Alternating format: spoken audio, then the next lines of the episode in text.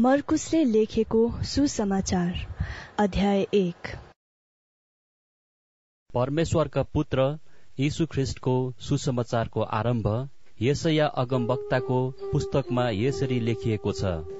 हेर म मेरो दूतलाई तिम्रो अघि अघि पठाउँछु जसले तिम्रो मार्ग तयार गर्नेछ। उजाड स्थानमा एकजना कराउनेको आवाज। परम प्रभुको मार्ग तयार पार उहाँका पथ सोझा बनाऊ। बत्तिसमा दिने योहन्ना पाप मोचनको लागि पश्चातापको बत्तिसमा प्रचार गर्दै उजाड स्थानमा देखा परे।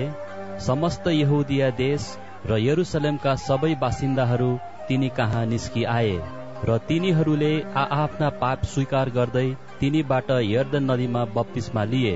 योहन्नाले उठको रौबाट बुनेको लुगा लाउँथे र कम्मरमा छालाको पटुका बाँध्थे र सल्ह र बनमह खान्थे। तिनले यसो भन्दै प्रचार गरे जो म पछि आउनुहुन्छ उहाँ मभन्दा शक्तिशाली हुनुहुन्छ। अनि निहुरेर उहाँका जुत्ताका फिता फुकाउने लायकको म छैन। मैले तिमीहरूलाई पानीले बत्तिसमा दिएको छु। तर उहाँले तिमीहरूलाई पवित्र आत्माले बत्तिसमा दिनुहुनेछ। अब ती दिनमा येसु गालिलको नासरातबाट आउनुभयो र योहन्नाबाट यर्दन नदीमा बत्तिसमा लिनुभयो। पानीबाट उक्ली आउने बित्तिकै उहाँले स्वर्ग उघ्रिएको र पवित्र आत्मालाई ढुकुरको रूपमा आफूमाथि ओर्लदै गर्नुभएको देख्नुभयो। अनि स्वर्गबाट यस्तो एउटा आवाज भयो तिमी मेरा प्रिय पुत्र हो तिमीसँग म अति प्रसन्न छु। पवित्र आत्माले उहाँलाई तुरन्तै उजाड स्थानमा लैजानुभयो। शैतानबाट परीक्षित हुँदै उहाँ चालिस दिन उजाड स्थानमा रहनुभयो। उहाँ जंगली जनावरहरूसँग रहनुभयो र स्वर्गदूतहरूले उहाँको सेवा टहल गरे। अब युहुन्ना पक्राउमा परेपछि परमेश्वरको सुसमाचार प्रचार गर्दै येसु गालिलमा आउनुभयो। उहाँले भन्नुभयो समय पूरा भएको छ। र परमेश्वरको राज्य नजिक आइपुगेको छ। पश्चाताप गर र सुसमाचारमा विश्वास गर। गालिल समुद्रको किनार किनारै जाँदै हुनुहुँदा उहाँले सिमोन र तिनका भाइ अन्द्रियासलाई समुद्रमा जाल हानिरहेका देख्नुभयो किनकि तिनीहरू जालहारी थिए। येसुले तिनीहरूलाई भन्नुभयो मेरो पछि लाग र म तिमीहरूलाई मानिसहरूका जालहारी बनाउने छु तिनीहरूले तुरन्तै आफ्ना जालहरू छोडे र उहाँको पछि लागे। अनि अलि पर गएपछि उहाँले जब्दियाका दुई छोरा याकुब र युहन्नालाई डुङ्गामा बसी जाल तुनिरहेका देख्नुभयो। उहाँले तुरुन्त तिनीहरूलाई बोलाउनु भयो र तिनीहरू आफ्ना पिता जब्दियालाई ज्यामीहरूका साथ डुङ्गामा छोडेर उहाँको पछि लागे। तब उहाँहरू कफर्नहुममा जानुभयो र तुरुन्तै सबात दिनमा सभाघरमा पछि उहाँले शिक्षा दिन लाग्नुभयो।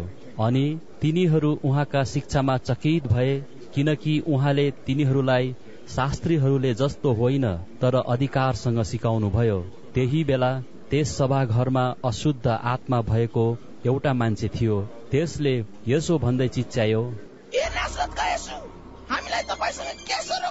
के तपाईँ हामीलाई सर्वनाश पार्नलाई आउनु भएको हो? म तपाईँलाई चिन्छु। तपाईँ परमेश्वरका पवित्र जन हुनुहुन्छ। तर यसुले त्यसलाई यसो भन्दै हकार्नुभयो चुप लाग र त्यसबाट निस्किजा। त्यस मान्छेलाई लछार पछार पार्दै त्यो अशुद्ध आत्मा ठूलो स्वरले चिच्याएर त्यस मान्छेबाट निस्कि गयो तब सबैजनाले अचम्म माने र तिनीहरू यसो भन्दै आपसमा सोधासोध गर्न लागे। यो के हो? यो त नयाँ शिक्षा रहेछ।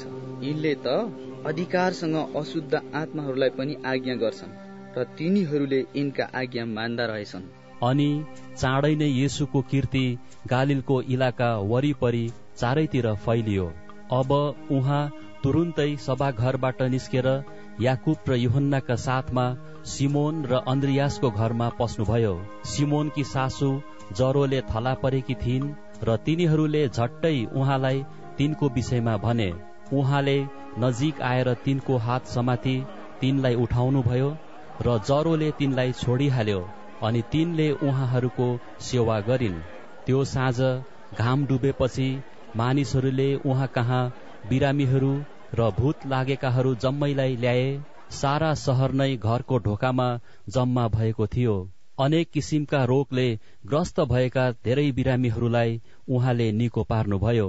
र धेरै भूतहरूलाई निकाल्नुभयो तर भूतहरूले उहाँलाई चिनेका हुनाले उहाँले तिनीहरूलाई बोल्न दिनु भएन। बिहान उज्यालो हुनुभन्दा धेरै अघि उठेर उहाँ बाहिर एकान्त ठाउँमा जानुभयो र त्यहाँ प्रार्थना गर्नुभयो। सिमोन र तिनीसँग हुनेहरू उहाँलाई खोज्दै गए। उहाँलाई भेट्टाएपछि तिनीहरूले भने सबैले तपाईँलाई खोजिरहेका छन्। तब उहाँले तिनीहरूलाई भन्नुभयो आओ हामीहरू नजिकका अरू सहरहरूमा जाउँ र त्यहाँ पनि म प्रचार गर्न पाऊ किनकि यसैको निम्ति म आएको हुँ। अनि सारा गालिलमा तिनीहरूका सभाघरहरूमा प्रचार गर्दै र भूतहरूलाई निकाल्दै उहाँ हिँड्नुभयो। अनि एउटा कुष्ठ रोगी उहाँ कहाँ आएर घुँडा टेक्दै यसो भनेर बिन्ती गर्यो तपाईँले इच्छा गर्नुभयो भने मलाई निको पार्न सक्नुहुन्छ।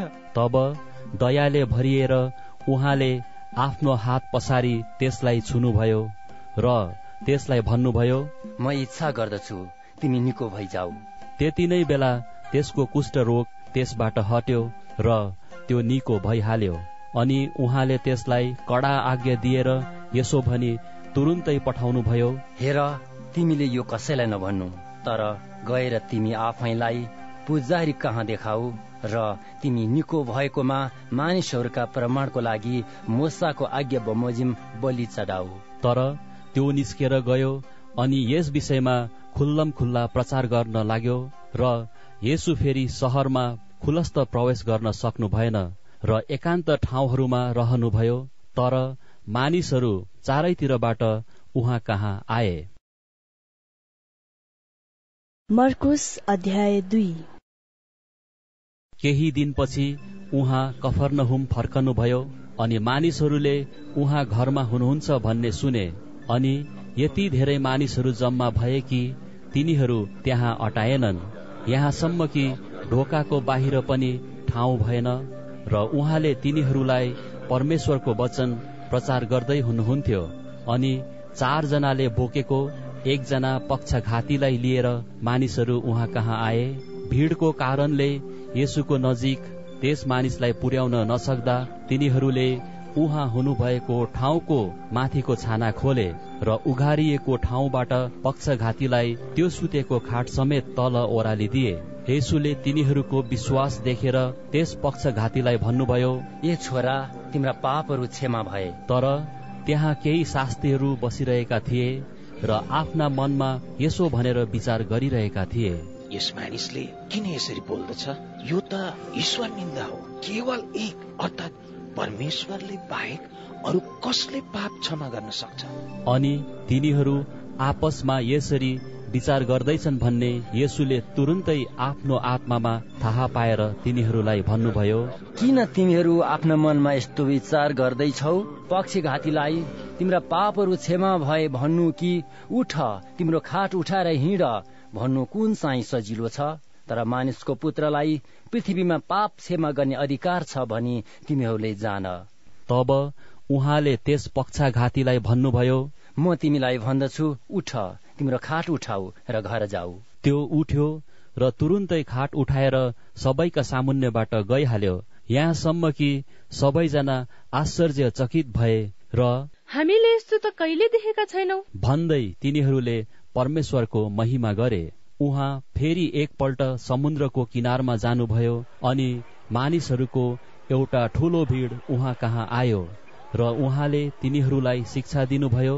त्यसपछि जाँदै गर्दा उहाँले अल्फयसका छोरा लेबीलाई कर उठाउनेहरूको ठाउँमा बसिरहेका देख्नुभयो र तिनलाई भन्नुभयो मेरो पछि लाग।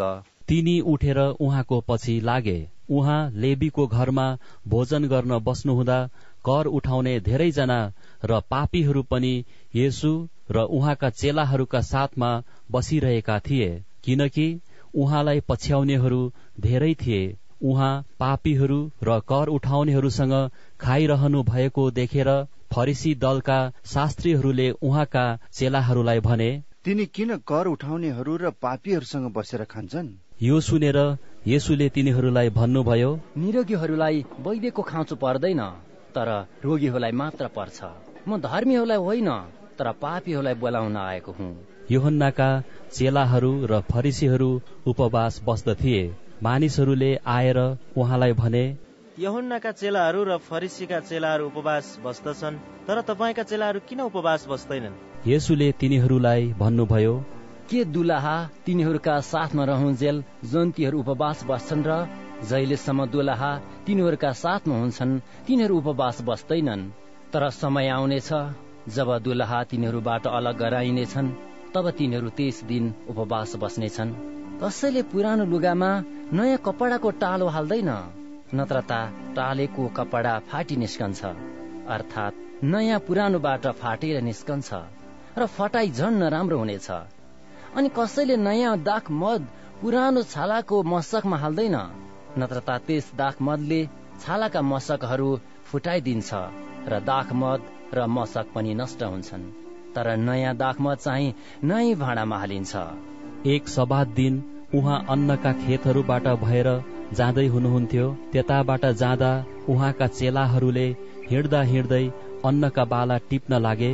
यो देखेर फरिसीहरूले उहाँलाई भने हेर्नुहोस् सभा दिनमा जे गर्नु अनुचित छ तिनीहरू किन त्यही गर्दछन्? उहाँले तिनीहरूलाई भन्नुभयो जब दाउद र तिनीसँग हुनेहरू खाँचोमा परेका र भोकाएका थिए तब दाउदले के गरे?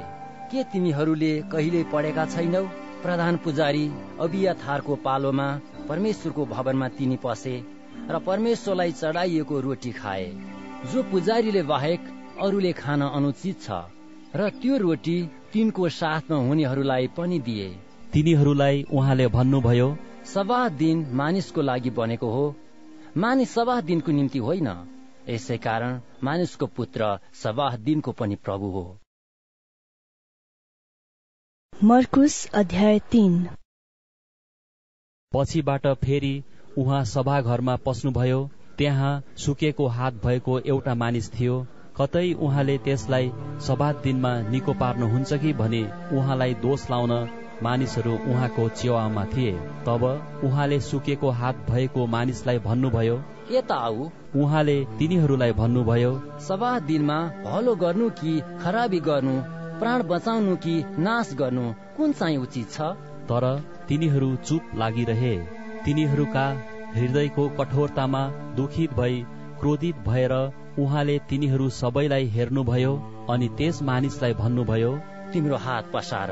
त्यसले हात पसार्यो र त्यसको हात निको भयो। तब निस्केर गई उहाँलाई कसरी नाश पारौं भने फरिसीहरूले तुरन्तै हेरोदीहरूसँग उहाँको विरुद्धमा मतो गरे। त्यसपछि येसु आफ्ना चेलाहरूसँग समुद्रतिर जानुभयो र गालिलबाट मानिसहरूको ठूलो भिड उहाँको पछि लाग्यो। यहुदिया यरुसलेम इदुमिया यर्दन पारी र टुरोस र सिडोनका वरिपरिबाट मानिसहरूको ठूलो भिड उहाँका अचम्मका कामको कीर्ति सुनेर उहाँ कहाँ आयो। भिडले उहाँलाई नमिचोस् भनी उहाँले आफ्ना चेलाहरूलाई आफ्नो निम्ति एउटा डुङ्गा तयार पार्न लगाउनु भयो उहाँले धेरैलाई निको पार्नु भएको हुनाले रोग लागेका सबैले उहाँलाई छुवाउ भनेर ठेलम ठेला गर्दथे। जब अशुद्ध आत्माहरूले उहाँलाई देख्दथे तब उहाँको अघि घोप्टो परेर यसो भन्दै कराउँथे तर उहाँलाई प्रकट नगर्नु भनी तिनीहरूलाई उहाँले कडा हुकुम दिनुभयो। त्यसपछि यसु डाँडामा उक्लनु भयो र उहाँले चाहनु भएका जतिलाई बोलाउनु भयो र तिनीहरू उहाँ कहाँ आए? आफूसँग रहन र प्रचार गर्न पठाउनलाई उहाँले बाह्र जनालाई नियुक्त गर्नुभयो र तिनीहरूलाई भूतहरू निकाल्ने अधिकार पनि दिनुभयो। ती बाह्र प्रेरितहरू यी नै हुन्। सिमोन जसको नाउँ उहाँले पत्रुस राख्नुभयो जब्दियाका छोरा याकुब र याकुबका भाइ युहन्ना। उहाँले तिनीहरूलाई बोनर्गेस अर्थात् गर्जनका छोराहरू भन्ने नाउँ दिनुभयो। अन्द्रियास फिलिप बार्थोलोमाई मत्ती थोमा अल्फयसका छोरा याकुब र थेदियस सिमोन कनानी र यहुदा इस्करियोत जसले उहाँलाई धोका दियो। त्यसपछि यसु फेरि घरतिर जानुभयो। फेरि भिड जम्मा भयो। यहाँसम्म कि उहाँहरूले भोजन खान पनि पाउनु भएन। जब येसुका परिवारले यो सुने तब उहाँलाई लैजानलाई उनीहरू निस्के किनकि उहाँको मन ठेगानामा छैन भनी उनीहरू भन्थे। यरुसलेमबाट आएका व्यवस्थाका शास्त्रीहरूले भने त्यसमा बालजिबुल भूत छ र भूतहरूको मालिकद्वारा नै त्यसले भूतहरू निकाल्दछ। तर उहाँले तिनीहरूलाई आफू कहाँ बोलाएर दृष्टान्तहरूमा भन्नुभयो सैतानले सैतानलाई कसरी निकाल्न सक्छ? कुनै राज्यको आपसमा फुट भयो भने त्यो राज्य टिक्न सक्दैन। कुनै घरको पनि आपसमा फुट भयो भने त्यो घर टिक्न सक्ने छैन। यदि सैतानले सैतानकै विरुद्धमा खडा भएर फाटो ल्याएको छ भने त्यो टिक्न सक्दैन तर त्यसको अन्त्य आइसकेको हुन्छ। कसैले बलियो मानिसको घरमा पसेर उसको धनमाल लुट्न सक्दैन जबसम्म त्यसले त्यो बलियो मानिसलाई पहिला बाँध्दैन। तब पो त्यसले उसको घर लुट्न सक्छ। साँच्चै म तिमीहरूलाई भन्दछु मानिसहरूका सबै पाप र ईश्वर निन्दा क्षमा गरिनेछन्। तर पवित्र आत्माको विरुद्धमा निन्दा गर्नेलाई कदापि क्षमा हुने छैन। तर त्यो अनन्त पाप कर्मको दोषी ठहर्छ उहाँले यो वचन भन्नुभयो किनकि उसमा अशुद्ध आत्मा छ। भनी तिनीहरूले भनेका थिए तब उहाँकी आमा र उहाँका भाइहरू त्यहाँ आए र बाहिरै खडा भएर उहाँलाई डाकी पठाए। भिड उहाँको वरिपरि बसिरहेको थियो र तिनीहरूले उहाँलाई भने हेर्नुहोस् तपाईँकी आमा र तपाईँका भाइहरू तपाईँलाई बाहिर खोज्दैछन्। उहाँले तिनीहरूलाई जवाफ दिएर भन्नुभयो मेरी आमा र मेरा भाइहरू को हुन्? अनि आफ्नो वरिपरि चारैतिर हेरेर उहाँले भन्नुभयो हेर यिनै हुन् मेरी आमा र मेरा भाइहरू। किनकि जसले परमेश्वरको इच्छा पालन गर्छ त्यो नै मेरो भाइ र मेरी बहिनी र मेरी आमा हुन्। मर्कुस अध्याय चार। पछिबाट फेरि समुद्रको किनारमा उहाँले शिक्षा दिन लाग्नुभयो। उहाँका चारैपट्टि भिड यति ठुलो भयो कि उहाँ समुद्रमा भएको एउटा डुङ्गामा चढ्नुभयो र त्यसैमा बस्नुभयो। मानिसहरू चाहिँ समुद्रको किनारका पाखामा बसेका थिए अनि उहाँले तिनीहरूलाई दृष्टान्तहरूमा धेरै कुरा सिकाउनुभयो। उहाँले आफ्नो शिक्षामा तिनीहरूलाई यसो भन्नुभयो सुन हेर एकजना बिउ छर्ने मानिस बिउ छर्नलाई निस्क्यो। अनि छर्दाखेरि केही बिउ बाटोतिर परे र ती बिउ चराचुरुङ्गीले आएर खाइहाले। केही बिउ ढुङ्गेनी ठाउँमा परे जहाँ धेरै माटो थिएन। र माटोको गहिराई नहुनाले ती छिट्टै उम्रे। घाम निकै चर्केपछि टुसाहरू डढिहाले जरा नलागेकोले ती ओइलिहाले। केही बिउ चाहिँ काँडाहरूका बीचमा परे काँडाहरू बढे र बोट निसासिए अनि तिनमा फल लागेनन्। तर केही बिउ असल जमिनमा परे र उम्रदै र बढ्दै गएर तीस गुणा साठी गुणा र सय गुणा फल दिए। अनि उहाँले भन्नुभयो जसको सुन्ने कान छ त्यसले सुनोस्। जब उहाँ एक्लै हुनुभयो तब बाह्रजना चेलाहरू र उहाँको वरिपरि भएकाहरूले उहाँलाई दृष्टान्तको विषयमा सोधे उहाँले तिनीहरूलाई भन्नुभयो परमेश्वरका राज्यको रहस्य तिमीहरूलाई दिएको छ तर बाहिरकाहरूलाई भने सबै कुरा दृष्टान्तमा भनिन्छ। कि तिनीहरू हेर्न त हेर्छन् तर देख्दैनन् सुन्न त सुन्छन् तर बुझ्दैनन्। नत्र त तिनीहरूले पश्चाताप गर्ने थिए र तिनीहरूको पाप क्षमा हुने थियो। उहाँले तिनीहरूलाई भन्नुभयो तिमीहरू यस दृष्टान्तको अर्थ बुझ्दैनौ। त्यसो भए अरू सब दृष्टान्तहरूका अर्थ कसरी बुझ्नेछौ? बिउ छर्नेले वचन छर्दछ। कोही मानिसहरू बाटोतिर छैरेका बिउ जस्तै छन्।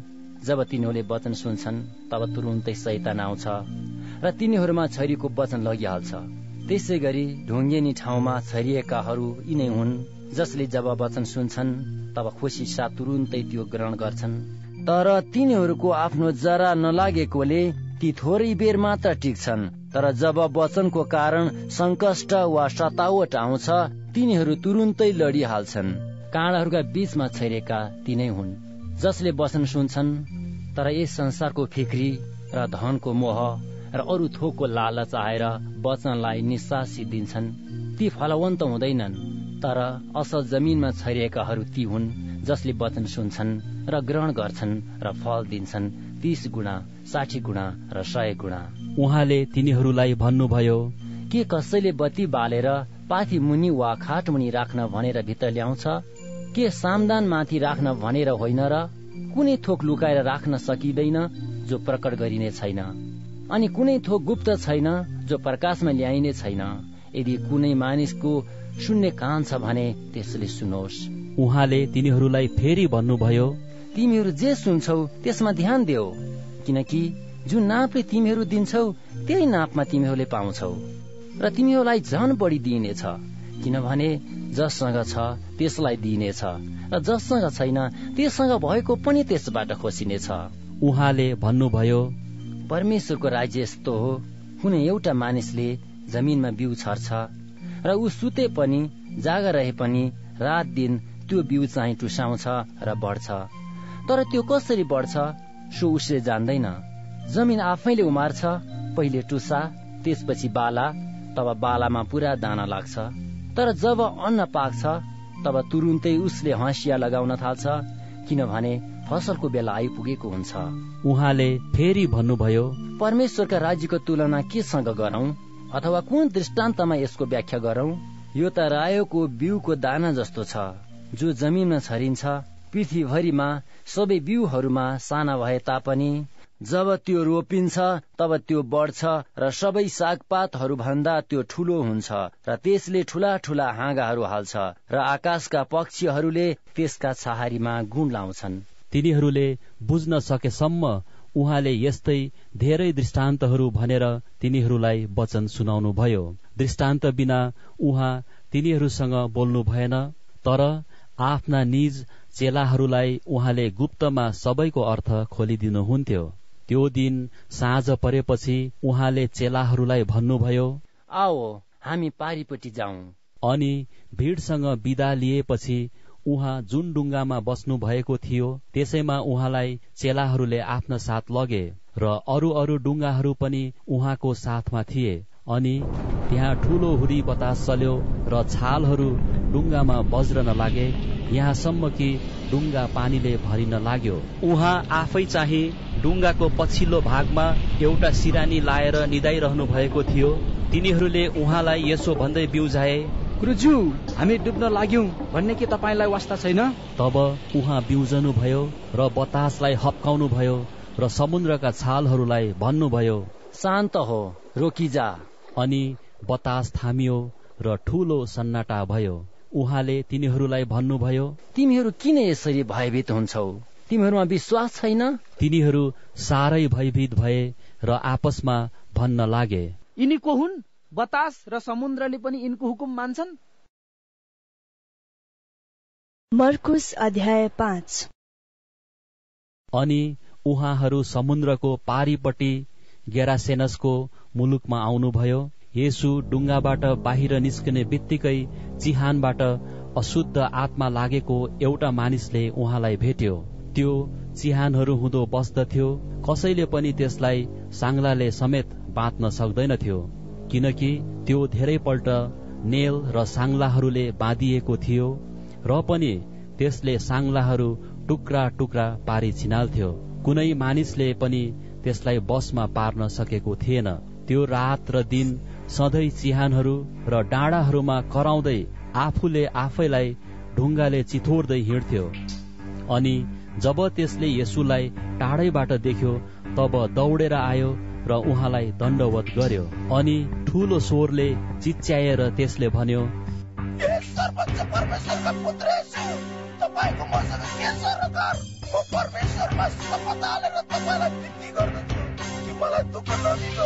किनकि उहाँले त्यसलाई भन्नुभएको थियो ए अशुद्ध आत्मा त्यस मानिसबाट निस्किया आइज। अनि उहाँले त्यसलाई सोध्नुभयो तेरो नाउँ के हो? त्यसले उहाँलाई भन्यो मेरो नाउँ त फौज हो किनकि हामी धेरै छौँ। ती भूतात्माहरूलाई त्यस इलाका बाहिर ननिकालिदिनुहोस् भने त्यसले उहाँलाई आग्रहपूर्वक बिन्ती गर्यो। त्यहाँ डाँडाको भिरतिर सुँगुरको एक ठूलो बगाल चरिरहेको थियो। ती भूतात्माहरूलाई यसो भनी उहाँलाई बिन्ती गरे हामीलाई सुँगुरहरू कहाँ जान दिनुहोस्? र हामी ती भित्र बस्छौँ। तब उहाँले तिनीहरूलाई अनुमति दिनुभयो। र अशुद्ध आत्माहरू बाहिर निस्केर सुँगुरहरू भित्र पसे अनि दुई हजार सुँगुरको बगाल भिरबाट समुद्रतिर हुर्दै गए र ती समुद्रमा डुबेर मरे। ती सुँगुर चराउनेहरू भागे र सहर र गाउँ गाउँमा खबर दिए र के भएको हो सो हेर्न मानिसहरू त्यहाँ आए। तब तिनीहरू यसु कहाँ आए र देखे कि त्यो भूत लागेको मानिस ठिक मनको भएर लुगा लगाई बसिरहेको थियो। यो देखेर तिनीहरू डराए। अनि जसले यो देखेका थिए तिनीहरूले भूत लागेको मानिस र सुँगुरहरूलाई के भएको थियो सो बताइदिए। अनि तिनीहरूको इलाकाबाट गइहालुन् भनी मानिसहरूले येसुलाई बिन्ती गर्न लागे। उहाँ डुङ्गामा पस्न लाग्नुहुँदा त्यो भूत लागेको मानिसले उहाँसँग रहनलाई बिन्ती गर्यो। तर उहाँले त्यसलाई अनुमति दिनु भएन तर त्यसलाई भन्नुभयो तिमी आफ्नो घरमा गएर तिम्रा मित्रहरूलाई प्रभुले तिम्रो निम्ति गर्नुभएको महान काम र तिमीलाई देखाउनु भएको ठुलो दयाको वर्णन गरिदेऊ। अनि त्यो मानिस हिँडिहाल्यो र येसुले त्यसको निम्ति कति ठुलो काम गरिदिनु भएको थियो सो डेकापोलिसभरि प्रचार गर्न लाग्यो र सबै मानिसहरूले अचम्म माने। जब येसु फेरि डुङ्गामा समुद्रको पारिपट्टि जानुभयो तब एउटा ठूलो भीड़ उहाँको वरिपरि भेला भयो। उहाँ चाहिँ समुद्रको किनारमा हुनुहुन्थ्यो। सभाघरका शासकहरू मध्ये याइरस नाउँका एकजना उहाँ कहाँ आए र उहाँलाई देखेर उहाँका पाउमा घोप्टो परे र यसो भनेर बिन्ती गरे मेरी सानी छोरी आएर त्यसमाथि तपाईँको हात राखिदिनुहोस् र त्यो निको होस् र बाँचोस्। तब येसु तिनीसँग जानुभयो। एउटा ठूलो भीड़ उहाँको पछि लाग्यो र मानिसहरू उहाँको वरिपरि ठेलम ठेला गर्न लागे अनि बाह्र वर्ष अघिदेखि रगत बग्ने रोग भएकी एउटी स्त्री त्यहाँ थिए त्यसले धेरै वैद्यहरूका हातबाट अनेक कष्ट पाएर आफूसँग भएका सारा धन दौलत खर्च गरेर पनि निको नभई बरु झन खराब हालतमा पुगेकी थिए येसुको विषयमा त्यसले सुनेकी थिए र भिडको पछिल्तिरबाट आएर उहाँको वस्त्र त्यसले छोई किनकि त्यसले मनमनै भनी मैले उहाँको वस्त्र मात्र छोयो भने पनि म निको हुनेछु। अनि तुरुन्त त्यसको रगत बग्ने बन्द भइहाल्यो। र आफ्नो शरीरको रोग निको भएको त्यसले थाहा पाई आफूबाट शक्ति बाहिर निस्केको झट्टै यसुले थाहा पाएर भिडमा पछिल्तिर फर्केर सोध्नुभयो कसले मेरो वस्त्र छोयो? चेलाहरूले उहाँलाई भने भिडले ठेलम ठेला गरेको त तपाईँले देख्नु भएकै छ र पनि तपाईँ भन्नुहुन्छ कसले मलाई छोयो? उहाँलाई छुने को हो भनी उहाँले चारैतिर हेर्न लाग्नुभयो तब आफूलाई जे भएको थियो सो थाहा पाएर त्यो स्त्री डरले कामदै आएर यसुको अघि घोप्टो परी र उहाँलाई सबै सत्य कुरा भनिदिए तब उहाँले त्यसलाई भन्नुभयो ए छोरी तिम्रो विश्वासले तिमीलाई निको पारेको छ। शान्ति साथ जाऊ। तिम्रो रोग निको होस्। उहाँ बोल्दै हुनुहुँदा शासकको घरबाट मानिसहरू आएर भने तपाईँकी छोरी त मरी? गुरुजीलाई अब अरू कष्ट किन दिनुहुन्छ? तर तिनीहरूले गरेका कुराहरूलाई ध्यान नदी येसुले सभाघरका शासकलाई भन्नुभयो न डराऊ विश्वास मात्र गर। अनि उहाँले पत्रुस याकुब र याकुबका भाइ युहन्नालाई बाहेक अरू कसैलाई पनि आफ्नो साथ आउन अनुमति दिनु भएन उहाँहरू सभाघरका शासकको घरमा आउनुभयो अनि उहाँले खैला बैला गर्नेहरू रुनेहरू र ठूलो स्वरले बिलौना गर्नेहरूलाई देख्नुभयो। भित्र पसेर उहाँले तिनीहरूलाई भन्नुभयो तिमीहरू किन खैला बैला गर्छौ र रुन्छौ? छिटी मरेकी छैन तर सुतिरहेकी छे। तर तिनीहरू उहाँको कुरामाथि हाँसे। तब उहाँले तिनीहरू सबैलाई बाहिर निकाल्नुभयो र ठिटीका बाबु र आमा र उहाँसँग हुनेहरूलाई साथमा लिएर ठिटी भएको ठाउँभित्र जानुभयो। अनि ठिटीको हात समातेर उहाँले त्यसलाई भन्नुभयो तालिताकुमी जसको अर्थ हो ए बालिका म तिमीलाई भन्दछु उठ। अनि ठिटी तुरन्तै उठी र हिँडडुल गर्न लागे। त्यो बाह्र वर्षकी थिए अनि त्यति नै बेला तिनीहरू आश्चर्यचकित भए। उहाँले तिनीहरूलाई यो कसैले थाहा नपाओस् भन्ने कडा आज्ञा दिनुभयो। अनि बालिकालाई चाहिँ केही खान दिनु भनी तिनीहरूलाई भन्नुभयो मर्कुस अध्याय छ। त्यहाँबाट निस्केर उहाँ आफ्नै नगरमा फर्कनुभयो। उहाँका चेलाहरू उहाँको पछि लागे। सबात दिनमा उहाँले सभाघरमा शिक्षा दिन लाग्नुभयो। धेरैजना सुन्नेहरूले छक्क परेर भने यस मानिसले यी सब कहाँबाट पायो? यिनलाई दिएको यो ज्ञान कस्तो हो? यिनका हातबाट भएका कार्यहरू कति शक्तिशाली? के यिनी त्यही सिकर्मी होइनन् र? के यिनी त मरियमका छोरा तथा याकोब योसेफ यहुदा र सिमोनको दाजु होइनन् र? के यिनका बहिनीहरू पनि हामीसँगै छैनन् र?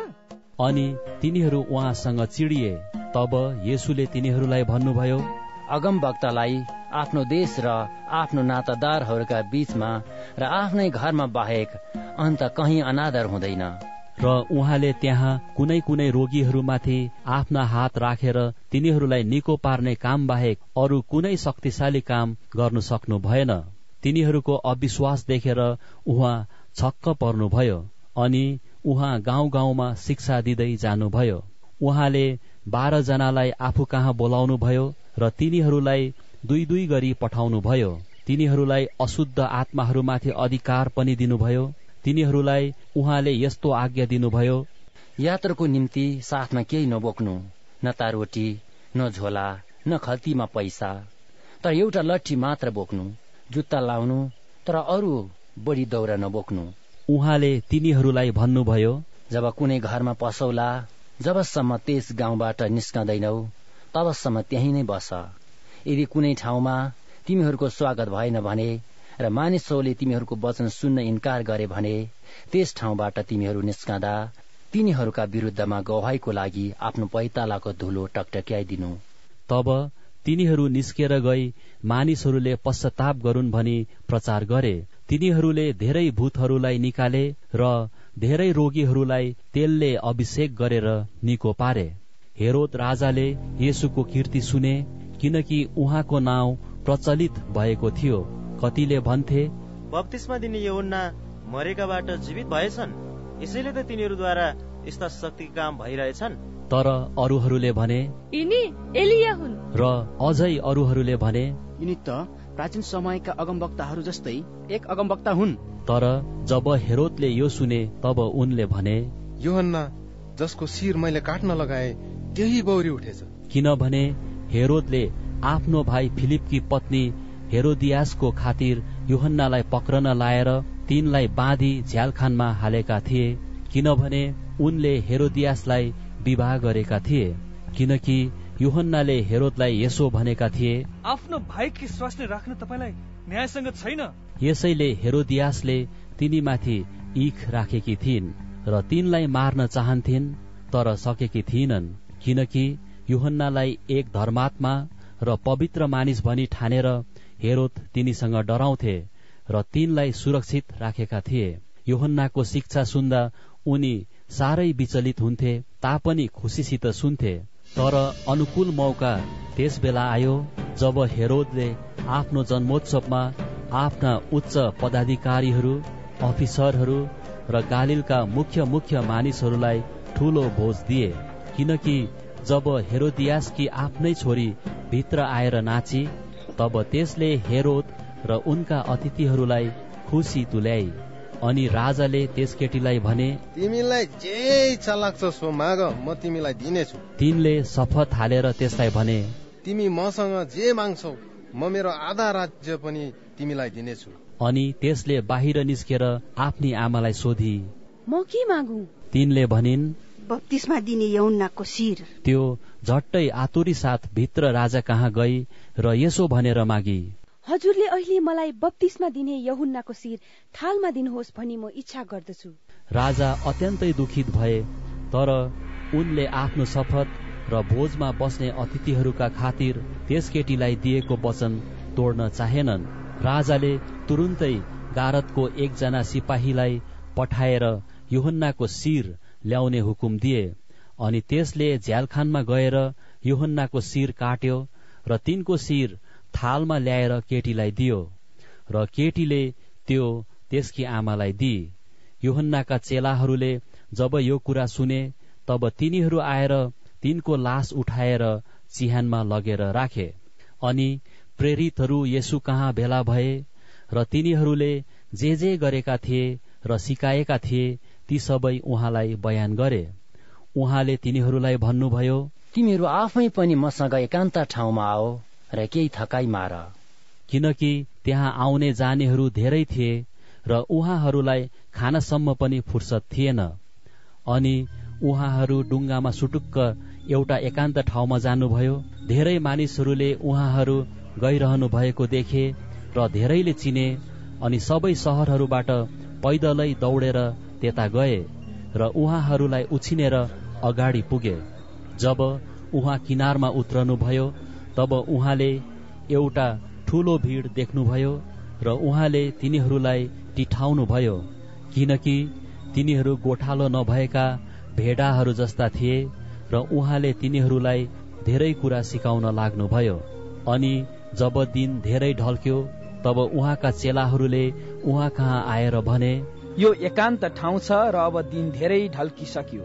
मानिसहरूलाई बिदा दिनुहोस् र तिनीहरूले वरपरका बस्ती र गाउँहरूमा गएर आफ्ना लागि केही खानेकुरा किनुन्। तर उहाँले तिनीहरूलाई भन्नुभयो तिमीहरूले नै तिनीहरूलाई केही खान दियो। तर तिनीहरूले उहाँलाई भने के हामीले गएर दुई सय दिनारको रोटी किनेर तिनीहरूलाई खान दिने र? उहाँले तिनीहरूलाई भन्नुभयो तिमीहरूसँग कतिवटा रोटी छन्? गएर हेर। अनि पत्ता लाएपछि तिनीहरूले भने पाँच रोटी र दुईवटा माछा। अनि उहाँले मानिसहरूलाई हरियो चौरमा दल बाँधेर बस्ने हुकुम गर्नुभयो। तिनीहरू सय सय र पचास पचासका ताती लागेर बसे। उहाँले ती पाँच रोटी र दुईवटा माछा लिएर स्वर्गतिर हेरी आशीर्वाद दिनुभयो र ती रोटीहरू भाँच्नुभयो अनि मानिसहरूका अगाडि राखिदिउन् भनेर चेलाहरूलाई दिनुभयो। र ती दुई माछा पनि उहाँले सबैलाई बाँडिदिनुभयो अनि सबैले खाए र तृप्त भए पछिबाट चेलाहरूले रोटी र माछाका उब्रेका टुक्राहरू बाह्र डालाभरि उठाए।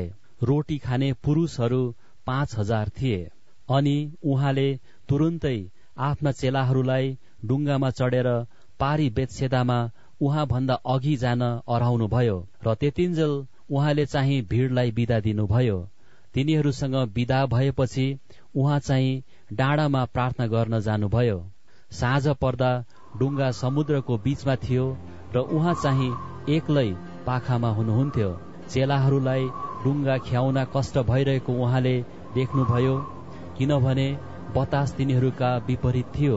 तीन बजे बिहानतिर उहाँ तिनीहरू कहाँ समुद्रमाथि हिँड्दै आउनुभयो र तिनीहरूलाई उछिनेर जान लाग्नु हुँदा तिनीहरूले उहाँलाई समुद्रमाथि हिँडिरहनु भएको देखेर प्रेत हो भन्ठाने र तिनीहरू चिच्याए किनकि उहाँलाई देखेर सबै डराएका थिए। तर झट्टै उहाँले तिनीहरूलाई भन्नुभयो ढाडस गर म हुँ न डराओ। अनि उहाँ तिनीहरू कहाँ डुङ्गाभित्र चढ्नुभयो र बतास थामिहाल्यो। अनि तिनीहरू अत्यन्त अचम्बित भए किनकि तिनीहरूले रोटीका विषयको कुरा बुझेकै थिएनन् तर तिनीहरूको हृदय कठोर भएको थियो। समुद्र पार भएपछि उहाँहरू गणेशरेतको मुलुकमा आइपुग्नुभयो र तिनीहरूले डुङ्गा किनारमा लगाए। जब उहाँहरू डुङ्गाबाट निस्कनुभयो तब उत्तिखेरै मानिसहरूले येसुलाई चिनिहाले र छेउछाउका समस्त गाउँ हुँदो तिनीहरू दगुरी गए र जहाँ येसु हुनुहुन्छ भनी सुने त्यहाँ बिरामीहरूलाई बिछौनामा राखेर ल्याउन लागे। अनि गाउँहरूमा वा सहरहरूमा वा बस्तीहरूमा जहाँ जहाँ उहाँ पस्नुभयो मानिसहरूले रोगीहरूलाई बजार बजारमा राखिदिए र उहाँका वस्त्रको छेउ मात्र पनि छुन पाऊ भनी तिनीहरूले उहाँलाई बिन्ती गरे र जतिले छोए तिनीहरू सबै निको भए। मर्कुस अध्याय सात। यरुसलेमबाट आएका फरिसीहरू र शास्त्रीहरू येसुका चारैतिर भेला भए। येसुका कतिपय चेलाहरूले अशुद्ध हात अर्थात् नधोएको हातले खाएका तिनीहरूले देखे। फरिसीहरू र सबै यहुदीहरू तिनीहरूका पुर्खाहरूले दिएका परम्परा अनुसार हात नधोई भोजन खाँदैनन्। बजारबाट आएपछि स्नान गरेर शुद्ध नभई तिनीहरू खाँदैनन्। यति मात्र होइन तिनीहरूले यस्ता धेरै अरू परम्परा मान्दछन् अर्थात् कचौराहरू भाँडाहरू र काँसोका भाँडाहरू धुने परम्परा। तब फरिसीहरू र शास्त्रीहरूले उहाँलाई सोधे तपाईँका चेलाहरू पिता पुर्खाले राखिदिएका परम्परामा किन चल्दैनन् तर अशुद्ध हातले खान्छन्? तब उहाँले तिनीहरूलाई भन्नुभयो यसैयाले तिमी कप्टीहरूका विषयमा ठिकसँग यसरी अगमवाणी गरे जस्तो लेखिएको छ। यस जातिले मलाई ओठले मात्र आदर गर्छ तर तिनीहरूको हृदय मदेखि टाढा छ। तिनीहरू व्यर्थमा मेरो उपासना गर्छन् तर तिनीहरूका शिक्षा मानिसहरूले सिकाएका विधि मात्र हुन्। तिमीहरू परमेश्वरको आज्ञालाई त्यागेर मानिसहरूका परम्परा मान्छौ। उहाँले तिनीहरूलाई भन्नुभयो तिमीहरू आफ्ना परम्परा मान्नलाई कति धूर्ततासँग परमेश्वरको आज्ञालाई टारिदिन्छौ। किनभने मोसाले भनेका छन् आफ्ना बाबु आमालाई आदर गर र जसले बाबु आमाको विरुद्धमा दुष्ट कुरा बोल्छ त्यो मारिनै पर्छ। यदि कुनै मानिसले आफ्ना बाबु वा आमालाई मबाट जे जति मद्दत तपाईँहरूलाई मिल्नु पर्ने त्यो कुर्बान हो अर्थात् परमेश्वरलाई चढाइएको। भन्छ भने तिमीहरू त्यसलाई आफ्ना बाबु आमाको निम्ति फेरि केही गर्न दिँदैनौ।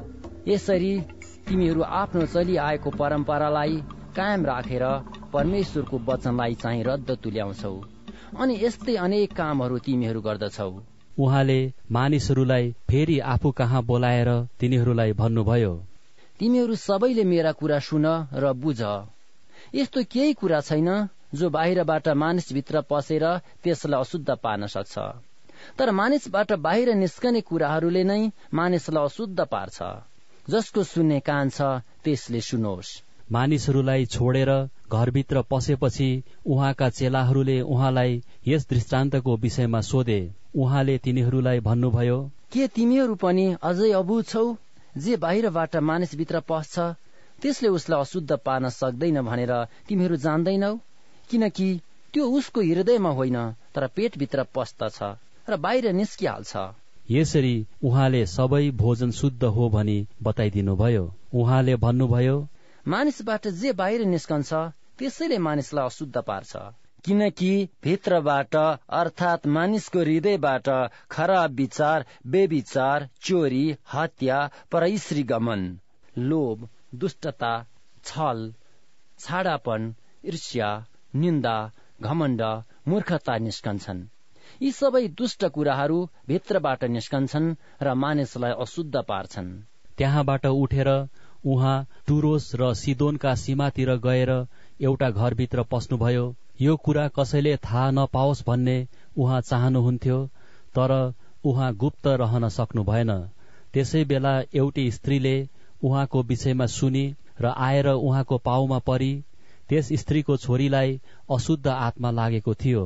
त्यो सिरियाको फोनिकेमा जन्मेकी एउटी ग्रिक स्त्री थिए त्यस स्त्रीले आफ्नी छोरीबाट भूत निकालिदिउन् भनी उहाँलाई बिन्ती गरी उहाँले त्यसलाई भन्नुभयो पहिले छोरा छोरीहरूलाई खान देऊ किनकि छोरा छोरीहरूका रोटी लिएर कुकुरहरूलाई फालिदिनु उचित होइन। तर त्यसले उहाँलाई भने हो प्रभु तर कुकुरहरूले पनि त छोराछोरीहरूले टेबल मुनि खसालेका टुक्राहरू खान्छन्। उहाँले त्यसलाई भन्नुभयो तिमीले यसो भनेको कारण नै तिमी घर जाऊ तिमी छोरीबाट भूत निस्केर गएको छ। त्यो घरमा गई र छोरीलाई खाटमा सुतिरहेकी भेट्टाई र त्यसबाट भूत चाहिँ निस्किसकेको थियो। टुरोसको इलाकाबाट निस्केर उहाँ सिदोन भएर डिकापोलिसका सिमानाका बीचबाट हुँदै गालिल समुद्रमा जानुभयो। त्यहाँ मानिसहरूले एउटा बहिरो र गुङ्गो मानिसलाई उहाँ कहाँ ल्याए र त्यसमाथि हात राखिदिनुहोस् भनी उहाँलाई बिन्ती गरे। त्यसलाई भिडबाट अलग्गै एकान्तमा लगेर येसुले आफ्ना औला त्यसका कानमा लगाउनु भयो त्यसपछि थुकेर त्यसको जिब्रो छुनुभयो अनि स्वर्गतिर हेरेर लामो सास लिई त्यसलाई भन्नुभयो इफाता अर्थात् खोली जा। त्यति नै बेला त्यसका कान खोलिए र त्यसको जिब्रोको बन्धन फुक्यो र त्यो स्पष्ट बोल्न लाग्यो। यो कसैलाई नभन्नु। भनी उहाँले तिनीहरूलाई आज्ञा दिनुभयो। तर जति जति उहाँले मानिसहरूलाई आज्ञा दिनुहुन्थ्यो झन बढी उत्साह साथ तिनीहरूले यसको घोषणा गर्दथे। मानिसहरू आश्चर्यले अत्यन्तै चकित भए र भन्न लागे उहाँले सबै कुरा असल गर्नु भएको छ। उहाँले बैरालाई सुन्ने र गुङ्गालाई बोल्नेसम्म पनि तुल्याउनुहुन्छ। मर्कुस अध्याय आठ। ती दिनमा फेरि एउटा ठूलो भिड जम्मा भयो तर तिनीहरूसित खानेकुरो केही थिएन। तब येसुले चेलाहरूलाई आफू कहाँ बोलाएर भन्नुभयो यस भिडलाई म टिठ्याउँछु किनभने यिनीहरू मसँग रहेका आज तीन दिन भयो र यिनीहरूसित खानालाई केही छैन। अनि यदि यिनीहरूलाई भोकै घर पठाए भने यिनीहरू बाटोमै मुर्छा पर्नेछन्। यिनीहरू मध्ये कोही कोही टाढाबाट आएका छन्। उहाँका चेलाहरूले उहाँलाई भने यस निर्जन स्थानमा यिनीहरूलाई कसरी रोटी खुवाउने? उहाँले तिनीहरूलाई सोध्नुभयो तिमीहरूसित कतिवटा रोटी छन्? तिनीहरूले भने सातवटा। उहाँले भिडलाई भुइँमा बस्ने हुकुम दिएर सातवटा रोटी हातमा लिई धन्यवाद दिएपछि रोटी भाँच्नुभयो र मानिसहरूका अघि राख्न भनी चेलाहरूलाई दिनुभयो र तिनीहरूले मानिसहरूका अघि राखिदिए। तिनीहरूसित केही ससाना माछाहरू पनि थिए। र उहाँले आशीर्वाद दिएर ती पनि तिनीहरूका अगाडि राख्न लाउनुभयो। अनि मानिसहरूले खाए र तृप्त भए। अनि उब्रेका टुक्राहरू तिनीहरूले सात डालाभरि उठाए। त्यहाँ प्राय चार हजार मानिसहरू थिए। उहाँले तिनीहरूलाई विदा गरी पठाउनुभयो। अनि उहाँ चाहिँ आफ्ना चेलाहरूसँग तुरुन्तै डुङ्गामा चढेर दलमनुथाको क्षेत्रमा जानुभयो। फरिसीहरू उहाँ कहाँ आएर उहाँसँग बहस गर्न लागे र उहाँलाई परीक्षा गर्नलाई स्वर्गबाट एउटा चिन्ह मागे। आफ्नो आत्मामा लामो सास लिएर उहाँले भन्नुभयो यस पुस्ताले किन चिन्न खोज्छ? साँच्चै म तिमीहरूलाई भन्दछु। यस पुस्तालाई कुनै चिन्ह दिइने छैन। अनि तिनीहरूलाई छोडी उहाँ फेरि डुङ्गामा चढेर पारिपट्टि जानुभयो। चेलाहरूले साथमा रोटी बोक्न बिर्सेका थिए र डुङ्गामा तिनीहरूसित एउटै मात्र रोटी थियो। येसुले चेलाहरूलाई यसो भनेर चेतावनी दिनुभयो। तिमीहरू फरिसीहरूको खमीर र हेरोदको खमीरदेखि सतर्क रहो। तर तिनीहरूका साथमा रोटी नभएकोले येसुले यसो भन्नुभएको हो भनी तिनीहरूले आपसमा बहस गर्न लागे। येसुले यो थाहा पाएर तिनीहरूलाई भन्नुभयो तिमीहरूसित रोटी छैन भने किन तिमीहरू बहस गर्दछौ? के तिमीहरू अझै पनि देख्दैनौ वा बुझ्दैनौ? के तिमीहरूको मन कठोर भएको छ? आँखा भए तापनि के तिमीहरू देख्दैनौ? कान भए तापनि के तिमीहरू सुन्दैनौ? के तिमीहरूलाई याद छैन? जब मैले पाँचवटा रोटी ती पाँच हजारका बीचमा बाँचेथे तब कति डालाभरि टुक्रा टाक्टीहरू तिमीहरूले उठाएका थियौ? तिनीहरूले उहाँलाई जवाफ दिए। बाह्र। अनि जब ती सातवटा रोटी चार हजारका बीचमा बाँचेको थिए तब कति डालाभरि टुक्रा टाक्रीहरू तिमीहरूले उठाएका थियौ? तिनीहरूले उहाँलाई भने सात। उहाँले तिनीहरूलाई भन्नुभयो तब के तिमीहरू अझै बुझ्दैनौ? त्यसपछि उहाँ बेतसेदा आउनुभयो र मानिसहरूले एउटा अन्धो मानिसलाई उहाँ कहाँ ल्याए र त्यसलाई छोइदिनुहोस् भनी उहाँसँग बिन्ती गरे। उहाँले त्यस अन्धो मानिसको हात समातेर त्यसलाई गाउँबाट बाहिर ल्याउनुभयो र त्यसका आँखामा थुकेर त्यसमाथि आफ्ना हात राखी त्यसलाई सोध्नुभयो के तिमी केही देख्छौ? अनि माथितिर हेरेर त्यसले भन्यो म मानिसहरूलाई रुखहरू जस्तै हिँडिरहेका देख्छु। तब उहाँले फेरि त्यसका आँखामा हात राख्नुभयो र त्यसले एक टक लाएर हेर्यो त्यसले आफ्नो दृष्टि प्राप्त गर्यो र सबै थोक छर्लङ्ग देख्न लाग्यो। तब उहाँले त्यसलाई गाउँतिर नपस्ने हुकुम गरी त्यसको घरमा पठाउनु भयो येसु र उहाँका चेलाहरू कैसरिया फिलिपिका गाउँहरूमा जानुभयो। बाटोमा जाँदै गर्दा उहाँले आफ्ना चेलाहरूलाई यसो भनेर सोध्नुभयो मानिसहरूले के भन्छन्? म को हुँ? तिनीहरूले उहाँलाई भने कसैले भन्छन् बत्तीसमा दिने योहन्ना अरूहरूले एलिया अनि अरू कतिले भन्छन् अगम वक्ताहरू मध्ये एकजना? तब उहाँले तिनीहरूलाई सोध्नुभयो तर तिमीहरू चाहिँ के भन्छौ? म को हुँ? पत्रुसले उत्तर दिएर उहाँलाई भने तपाईँ ख्रिस्ट हुनुहुन्छ? उहाँले तिनीहरूलाई उहाँको विषयमा कसैलाई केही नभन्नु भनी आज्ञा दिनुभयो। मानिसको पुत्रले धेरै दुःख भोग्नु र धर्मगुरुहरू मुख्य पुजारीहरू र शास्त्रीहरूबाट इन्कार गरिनु र मारिनु अनि तीन दिनपछि जीवित भई उठ्नु आवश्यक छ। भनेर उहाँले तिनीहरूलाई सिकाउन लाग्नुभयो यसरी उहाँले यो कुरा प्रष्टै भन्नुभयो तर यो सुनेर पत्रुसले उहाँलाई एकातिर लगेर हकार्न लागे।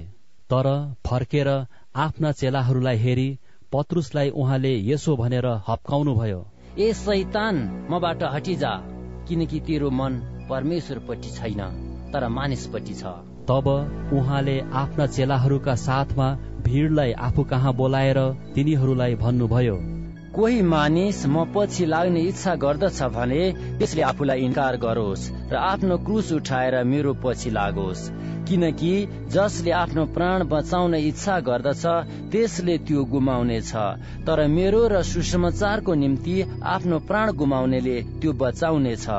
किनभने मानिसले सारा जगत हात पारेर आफ्नो प्राण गुमायो भने त्यसलाई के फाइदा हुन्छ? अथवा मानिसले आफ्नो प्राणको सट्टामा के दिन सक्छ?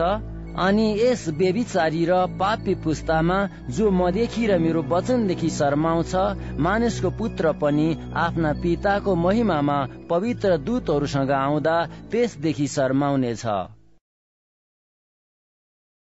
मर्कुस अध्याय नौ। अनि उहाँले तिनीहरूलाई भन्नुभयो साँच्चै म तिमीहरूलाई भन्दछु।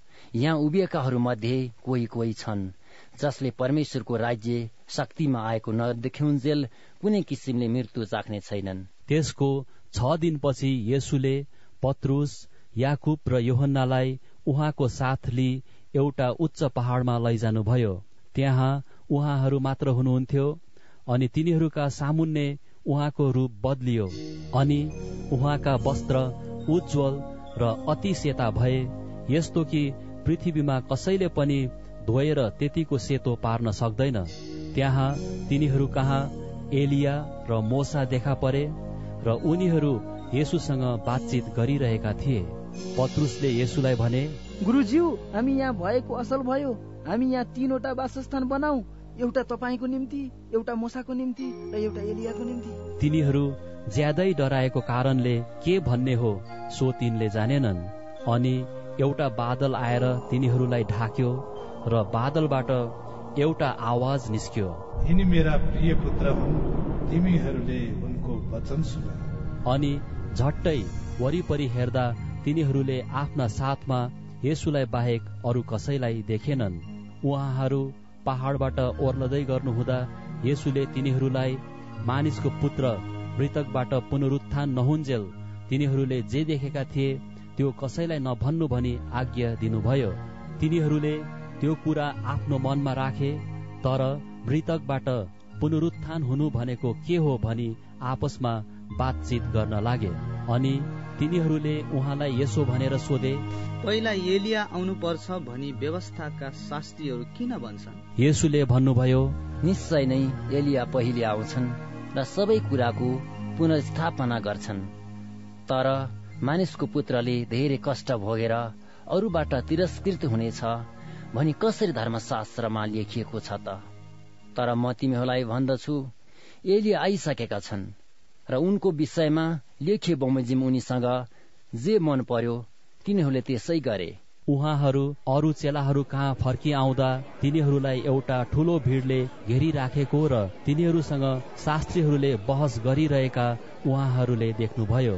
जम्मै भिडले उहाँलाई देख्ने बित्तिकै साह्रै आश्चर्य माने र उहाँ कहाँ दौडेर गई उहाँलाई अभिवादन गरे। उहाँले तिनीहरूलाई सोध्नुभयो तिनीहरू यिनीहरूसँग के को बहस गर्दैछौ? भिडबाट एकजनाले उहाँलाई जवाब दियो गुरुज्यू मेरो छोरालाई गुङ्गो पार्ने हातमा लागेको छ र तपाईँ कहाँ ल्याएको छु? जब यसले मेरो छोरालाई पक्रन्छ त्यसलाई भुइँमा पछार्छ र त्यसले मुखबाट फिस काट्छ र त्यसले दारा किट्न लाग्छ र त्यो अलट्ठै पर्छ। मैले तपाईँका चेलाहरूलाई त्यो भूत आत्मा निकालिदिउन् भनी बिन्ती गरे तर तिनीहरूले सकेनन्। तब उहाँले तिनीहरूलाई जवाब दिनुभयो ए अविश्वासी पुस्ता म कहिलेसम्म तिमीहरूसँग रहला? तिमीहरूलाई कति सहु? त्यसलाई म कहाँ ल्याऊ? तिनीहरूले त्यस केटालाई उहाँ कहाँ ल्याए? यसुलाई देख्ने बित्तिकै त्यस आत्माले केटालाई लछार पछार पार्यो र त्यो भुइँमा पछारिएर फिच काट्दै लडीबडी गर्न लाग्यो। उहाँले त्यसका बाबुलाई सोध्नुभयो कहिलेदेखि यसलाई यस्तो भएको हो? तिनले भने बाल्यकालदेखि नै यसलाई नाश गर्न त्यस आत्माले घरिघरि यसलाई आगो र पानीमा पनि फालेको छ। यदि तपाईँले केही गर्न सक्नुहुन्छ भने दया गरी हामीलाई मद्दत गरिदिनुहोस्। येसुले तिनलाई भन्नुभयो तपाईँले सक्नुहुन्छ भनी के भनेको?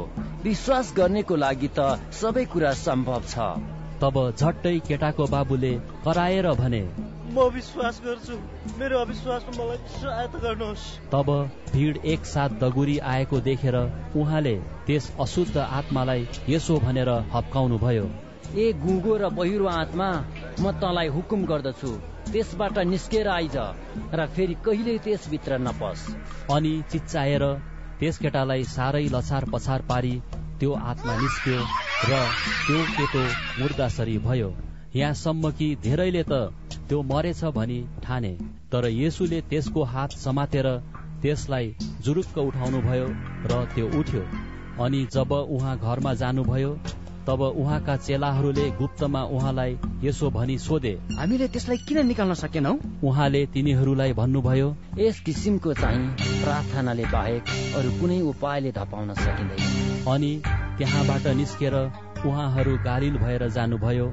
यो कुरा कसैले थाहा नपाओस् भन्ने उहाँको इच्छा थियो किनकि उहाँले आफ्ना चेलाहरूलाई शिक्षा दिँदै हुनुहुन्थ्यो। उहाँले तिनीहरूलाई भन्नुभयो मानिसको पुत्र मानिसहरूका हातमा सुम्पिदिनेछ र तिनीहरूले उसलाई मार्नेछन् र ऊ मारिएको तीन दिनपछि फेरि जीवित भई उठ्नेछ। तर उहाँले भन्नुभएको यो कुरा तिनीहरूले बुझेनन् र उहाँसँग सोध्न डराए। उहाँहरू कफर्नहुममा आउनुभयो र घरमा हुँदा उहाँले तिनीहरूलाई सोध्नुभयो बाटोमा तिमीहरूले के बहस गरिरहेका थियौ? तर तिनीहरू चुप रहे किनकि बाटोमा तिनीहरूले हामीमा सबैभन्दा महान को हो? भनी आपसमा बहस गरेका थिए। तब उहाँ बस्नुभयो र बाह्रै जनालाई बोलाउनु भयो र तिनीहरूलाई भन्नुभयो कोही मानिस पहिलो हुने इच्छा गर्छ भने त्यो सबैभन्दा पछिल्लो र सबैको सेवक हुनुपर्छ। अनि एउटा सानो बालकलाई लिएर उहाँले त्यसलाई तिनीहरूका बीचमा राख्नुभयो र त्यसलाई काखमा लिएर उहाँले तिनीहरूलाई भन्नुभयो जसले यस्ता साना बालकहरू मध्ये एउटालाई मेरो नाउँमा ग्रहण गर्छ त्यसले मलाई नै ग्रहण गर्छ।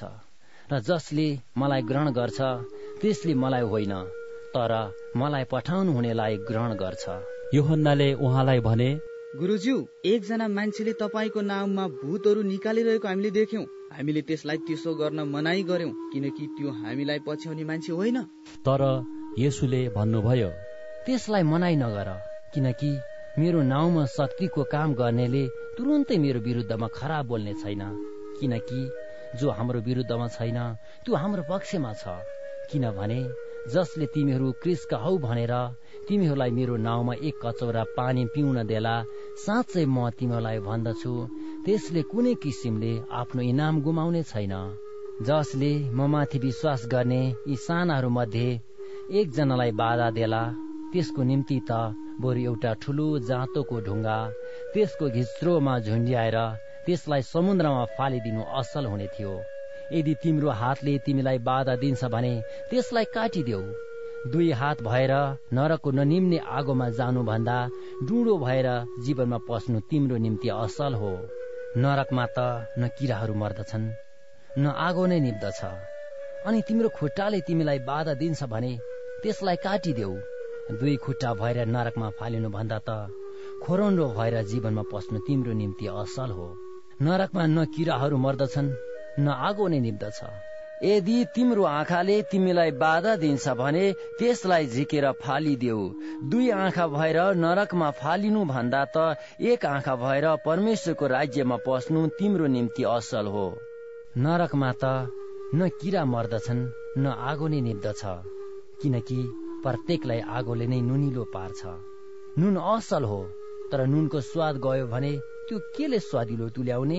तिमीहरू आफू आफूमा नुन राख र आपसमा शान्तिमा रहो। मर्कुस अध्याय दस। त्यस ठाउँलाई छोडेर यर्दन नदीको पारी यहुदियाको इलाकामा येसु जानुभयो र भिड उहाँ कहाँ भेला भयो अनि उहाँको रीति अनुसार तिनीहरूलाई फेरि उहाँले शिक्षा दिनुभयो। फरिसीहरू उहाँ कहाँ आएर उहाँलाई परीक्षा गरी सोधे के कोही मानिसले आफ्नो स्वास्नीसँग विवाह विच्छेद गर्नु न्यायसँग छ? उहाँले तिनीहरूलाई जवाफ दिएर भन्नुभयो मोसाले तिमीहरूलाई के आज्ञा दिएका छन्? तिनीहरूले भने एउटा त्याग पत्र लेखेर मानिसले आफ्नो स्वास्नीसँग विवाह विच्छेद गर्न सक्छ भनी मोसाले अनुमति दिएका छन्। तर यसुले तिनीहरूलाई भन्नुभयो तिमीहरूका हृदयको कठोरताले गर्दा उनले तिमीहरूलाई यो आज्ञा लेखिदिए तर सृष्टिको आरम्भदेखि परमेश्वरले तिनीहरूलाई नर र नारी गरी बनाउनु भयो यसै कारण मानिस आफ्ना बाबु र आमालाई छोडेर आफ्नै स्वाहनीसँग मिलिरहन्छ र ती दुईजना एउटै शरीर हुनेछन्। तिनीहरू फेरि दुई होइनन् तर एउटै शरीर हुन्छन्। यसकारण परमेश्वरले जसलाई एक सास जोड्नु भएको छ मानिसले नछुट्याओस्। घरमा हुँदा चेलाहरूले फेरि यस विषयमा येसुलाई सोधे। उहाँले तिनीहरूलाई भन्नुभयो जसले आफ्नी स्वास्नीसँग विवाह विच्छेद गरेर अर्कीसँग विवाह गर्छ त्यसले उसको विरुद्ध व्यविचार गर्छ। अनि यदि स्त्रीले आफ्नो लोग्नेसँग विवाह विच्छेद गरेर अर्कासँग विवाह गर्छ भने त्यसले व्यविचार गर्छे। मानिसहरूले साना बालबालिकाहरूलाई येसुले छोइदिउन् भन्ने उद्देश्यले उहाँ कहाँ ल्याए? तर चेलाहरूले तिनीहरूलाई हकारे तर यो देखेर येसु रिसाउनु भयो र तिनीहरूलाई भन्नुभयो साना बाल बालिकाहरूलाई म कहाँ आउन देऊ। तिनीहरूलाई नरोक किनभने परमेश्वरको राज्य यस्तैहरूको हो। साँच्चै म तिमीहरूलाई भन्दछु जसले परमेश्वरको राज्यलाई एउटा सानो बालकले जस्तै ग्रहण गर्दैन त्यो कदापि त्यसभित्र पस्ने छैन। अनि उहाँले तिनीहरूलाई काखमा लिएर तिनीहरूमाथि आफ्नो हात राखी तिनीहरूलाई आशीर्वाद दिनुभयो। यसु बाटोमा जाँदै हुनुहुँदा एकजना मानिस दौडेर आई उहाँको अघि घुँडा टेक्यो र उहाँलाई सोध्यो हे असल गुरु अनन्त जीवन प्राप्त गर्नलाई मैले के गर्नुपर्छ? यसुले त्यसलाई भन्नुभयो तिमी किन मलाई असल भन्छौ? एक मात्र परमेश्वर बाहेक अरू कोही असल छैन। तिमी आज्ञाहरू त जान्दछौ। अर्थात् हत्या नगर्नु व्यभिचार नगर्नु नचोर्नु झुटा गवाई नदिनु नठग्नु आफ्ना बाबु र आमालाई आदर गर्नु। अनि त्यसले उहाँलाई भन्यो गुरुज्यू यी सबै त मैले मेरो युवा अवस्थादेखि नै पालन गरेको छु। येसुले त्यसलाई हेर्नुभयो र त्यसलाई माया गरेर भन्नुभयो तिमीलाई अझ एउटा कुराको अभाव छ। जाऊ र तिम्रा जे जति छन् बिक्री गर र गरिबहरूलाई देऊ र तिमीलाई स्वर्गमा सम्पत्ति मिल्नेछ। अनि आएर मेरो पछि लाग। तर यस कुराले त्यसको अनुहार उदासिलो भयो र त्यो दुखित भएर गइहाल्यो किनभने त्यससित धेरै धन सम्पत्ति थियो अनि वरिपरि हेरेर यसुले आफ्ना चेलाहरूलाई भन्नुभयो धनीहरूलाई परमेश्वरको राज्यमा पस्नु कति कठिन छ। उहाँले भन्नुभएको यस कुरामा चेलाहरूले अचम्म माने तर यसुले फेरि तिनीहरूलाई भन्नुभयो बालक हो धन सम्पत्तिमाथि भरोसा राख्नेहरूलाई परमेश्वरको राज्यभित्र पस्नु कति कठिन छ। धनी मानिसलाई परमेश्वरको राज्यभित्र पस्नु भन्दा त बरु सियोको नाथ्रीबाट उठलाई छिर्न सजिलो हुन्छ। तिनीहरू ज्यादै अचम्बित भए र उहाँलाई भने त्यसो भए को बाँच्न सक्छ? यसुले तिनीहरूलाई हेरेर भन्नुभयो मानिसहरूका निम्ति त यो असम्भव छ तर परमेश्वरको लागि छैन किनकि परमेश्वरको निम्ति सबै कुरा सम्भव हुन्छ। पत्रुसले उहाँलाई भने हेर्नुहोस् हामीले सबै छोड्यौं र तपाईँको पछि लागेका छौँ। येसुले भन्नुभयो साँच्चै म तिमीहरूलाई भन्दछु जसले मेरो निम्ति र सुसमाचारको खातिर घर वा दाजुभाइ वा दिदी बहिनी वा आमा बाबु वा छोरा छोरीहरू वा जग्गा जमिन छोड्छ।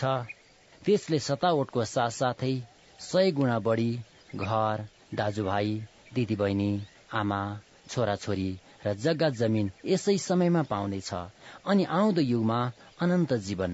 तर धेरै पहिला हुनेहरू पछिल्ला र पछिल्ला हुनेहरू चाहिँ पहिला हुनेछन्। उहाँहरू यरुसलेमतिर जाँदै हुनुहुन्थ्यो र यसु तिनीहरूका अघि अघि हिँडिरहनु भएको थियो। चेलाहरू अचम्बित थिए र अरू पछि पछि आउनेहरू भयभीत थिए। तब उहाँले बाह्रै चेलाहरूलाई फेरि एकातिर लगेर आफूमाथि परि आउने कुराहरू तिनीहरूलाई सुनाउनु भयो उहाँले भन्नुभयो हेर हामी यरुसलेमतिर जाँदैछौ। त्यहाँ मानिसको पुत्रलाई मुख्य पुजारीहरू र शास्त्रीहरू कहाँ सुम्पिदिनेछ र तिनीहरूले उसलाई मृत्युदण्ड दिनेछन् र अन्य जातिहरूको हातमा सुम्पिदिनेछन् अनि तिनीहरूले उसलाई गिल्ला गर्नेछन् र उसलाई थुक्नेछन् उसलाई कोरा लगाउनेछन् र उसलाई मार्नेछन्। तर तीन दिनपछि ऊ फेरि जीवित भई उठ्नेछ। जब्दियाका दुई छोराहरू याकुब र युहन्ना उहाँ कहाँ आएर भने गुरुज्यू हामी तपाईँसँग जे माग्छौ तपाईँले हाम्रा निम्ति गरिदिनुहोस् भन्ने हाम्रो इच्छा छ। उहाँले तिनीहरूलाई सोध्नुभयो तिमीहरूका निम्ति म के गरिदिउँ भन्ने तिमीहरूको इच्छा छ। तिनीहरूले उहाँलाई भने तपाईँको महिमामा हामी मध्ये एकजना तपाईँको दाहिनेपट्टि र अर्को तपाईँको देब्रेपट्टि बस्न पाउने मन्जुरी हामीलाई दिनुहोस्। तर येसुले तिनीहरूलाई भन्नुभयो तिमीहरू के माग्दछौ? सो तिमीहरू जान्दैनौ। के जुन कचौरा म पिउँछु त्यो तिमीहरू पिउन सक्छौ? अथवा जुन बत्तिसमा मैले लिएको छु त्यो बत्तिसमा तिमीहरू लिन सक्छौ? तिनीहरूले उहाँलाई भने हामी सक्छौ। येसुले तिनीहरूलाई भन्नुभयो जुन कचौरा म पिउँछु त्यो तिमीहरू पिउने छौ र जुन बत्तिसमा मैले लिएको छु त्यो बत्तिसमा तिमीहरू लिनेछौ तर मेरो दाहिनेपट्टि र मेरो देब्रेपट्टि बस्न दिनु चाहिँ मैले दिने होइन। यो त जस जसको निम्ति तयार भइराखेको छ तिनीहरूकै निम्ति हो। यो सुनेर दसैँजना चेलाहरू याकुब र योहन्नासँग रिसाए। तब येसुले तिनीहरूलाई आफू कहाँ बोलाएर भन्नुभयो तिमीहरू जान्दछौ कि अन्य जातिहरूमाथि शासन गर्नेहरूले तिनीहरूमाथि अख्तियार चलाउँछन्? अनि तिनीहरूका ठूला ठालुहरूले तिनीहरूमाथि अधिकार चलाउँछन् तर तिमीहरूमा चाहिँ त्यसो हुँदैन। तर तिमीहरूमा जसले ठूलो हुने इच्छा गर्दछ त्यो तिमीहरूको सेवक हुनु पर्दछ अनि तिमीहरूमा जसले पहिलो हुने इच्छा गर्दछ त्यो सबैको दास हुनै पर्दछ किनकि मानिसको पुत्र सेवा पाउन होइन। तर सेवा गर्न र धेरैका छुटकाराको मोलको निम्ति आफ्नो प्राण दिन आएको हो। त्यसपछि उहाँहरू यरिहोमा आउनुभयो र उहाँ आफ्ना चेलाहरू र ठूलो भीड़ सहित यरिहोबाट निस्किनु हुँदा तिमैको छोरो बार्तिमै एउटा अन्धो भिखारी बाटोको किनारमा बसिरहेको थियो।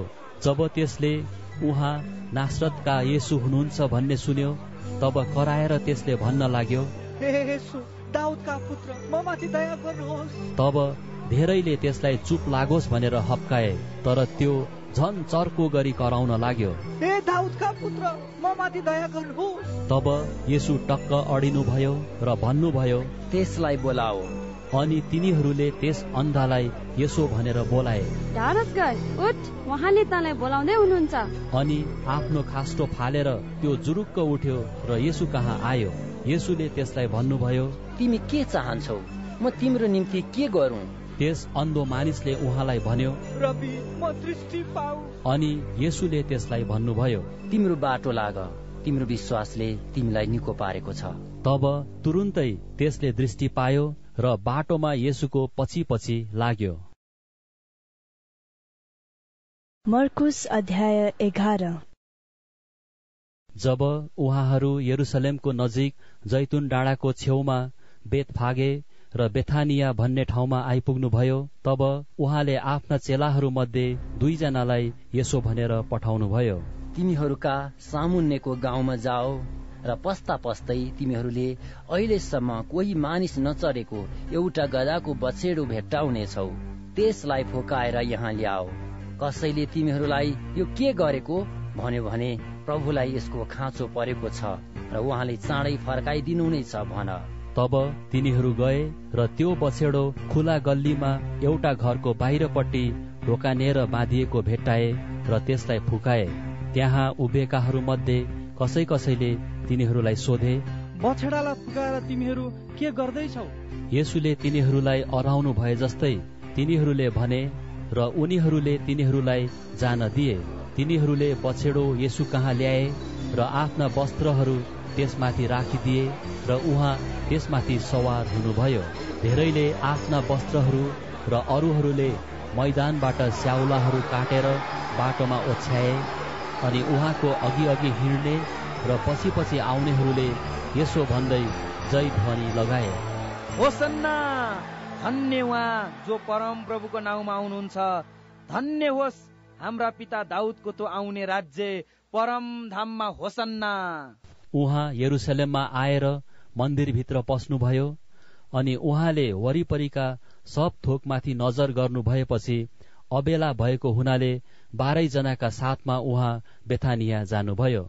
भोलिपल्ट उहाँहरू बेथानियाबाट आउनुहुँदा उहाँ भोकाउनु भयो अनि टाढामा पातले भरिएको एउटा अन्जिरको रुख देखेर कतै त्यसमा केही फल पाउँछु कि भनेर उहाँ जानुभयो तर त्यहाँ पुग्नु भएपछि उहाँले रुखमा पात बाहेक केही पाउनु भएन किनकि त्यस बेला अन्जिरको फल फल्ने समय भएको थिएन। तब उहाँले त्यस रुखलाई भन्नुभयो अब उसो कसैले पनि तँबाट फल नखाओस् अनि यो भनेको उहाँका चेलाहरूले सुने। अनि यरुसलेममा पुग्नु भएपछि उहाँ मन्दिरभित्र पस्नुभयो अनि मन्दिरमा किनबेच गर्नेहरूलाई बाहिर निकाल्नुभयो र पैसा साट्नेका टेबलहरू र परेवा बेच्नेका बस्ने ठाउँहरू पल्टाइदिनुभयो। उहाँले कसैलाई कुनै थोक मन्दिरबाट लैजान दिनु भएन अनि उहाँले शिक्षा दिँदै भन्नुभयो के यसो लेखिएको छैन? मेरो घर सब जातिहरूका निम्ति प्रार्थनाको घर कहलाइने छ? तर तिमीहरूले त यसलाई डाकुहरूको अड्डा बनाएका छौ। अनि मुख्य पुजारीहरू र शास्त्रीहरूले यो सुनेर उहाँलाई कसरी नाश पारौं भनी उपाय खोज्न लागे किनभने तिनीहरू उहाँसँग डराउँथे किनकि सारा भिडले उहाँको शिक्षामा अचम्म मानेका थिए। साँझ पर्दा उहाँ सहर बाहिर निस्केर जानुभयो। बिहान त्यहाँबाट पहिलेकै बाटो जानुहुँदा उहाँहरूले त्यस अन्जिरको रुखलाई जरैबाट सुकेको देख्नुभयो। अनि पत्रुसलाई यो सम्झना भयो र तिनले उहाँलाई भने रब्बी हेर्नुहोस् तपाईँले शराब दिनुभएको अन्जुरको रुख त सुकेछ? येसुले तिनीहरूलाई जवाब दिएर भन्नुभयो परमेश्वरमा विश्वास राख। साँच्चै म तिमीहरूलाई भन्दछु यदि कसैले आफ्नो हृदयमा शङ्का गर्दैन तर आफूले भनेका कुरा पूरा हुन्छ भनी विश्वास गरेर यस पहाडलाई उखेलिएर त समुद्रमा खस भन्यो भने त्यसको निम्ति त्यस्तै हुनेछ। यसकारण म तिमीहरूलाई भन्दछु तिमीहरूले प्रार्थनामा जे सुकै माग्छौ सो पाएका छौ भन्ने विश्वास राख र त्यो तिमीहरूको हुनेछ। जब तिमीहरू प्रार्थना गर्न खडा हुन्छौ तब कसैको विरुद्धमा तिमीहरूको केही छ भने क्षमा गर ताकि स्वर्गमा हुनुहुने तिमीहरूका पिताले पनि तिमीहरूका अपराधहरू क्षमा गरिदिउन्। तर क्षमा गरेनौ भने स्वर्गमा हुनुहुने तिमीहरूका पिताले पनि तिमीहरूका अपराधहरू क्षमा गर्नुहुने छैन। उहाँहरू फेरि हेरुसलेममा आउनुभयो अनि यसु मन्दिरमा यताउता हिँडिरहनुहुँदा मुख्य पुजारीहरू शास्त्रीहरू धर्मगुरुहरू उहाँ कहाँ आए तिनीहरूले उहाँलाई प्रश्न गरे कुन अधिकारले तिमी यी कामहरू गर्दछौ? यी कामहरू गर्ने अधिकार तिमीलाई कसले दियो? येसुले तिनीहरूलाई भन्नुभयो म तिमीहरूलाई एउटा प्रश्न सोध्छु र तिमीहरूले त्यसको जवाफ देऊ र कुन अधिकारले म यी काम गर्दछु सो तिमीहरूलाई भन्नेछु। युहन्नाले दिएको बत्तिसमा स्वर्गबाट हो कि मानिसबाट? मलाई जवाफ देऊ तब तिनीहरू यसो भन्दै आपसमा बहस गर्न लागे। स्वर्गबाट भनौ भने त तिमीहरूले उनीमाथि किन विश्वास गरेनौ भनी तिनले भन्दैछन् मानिसहरूबाट भनौ कि?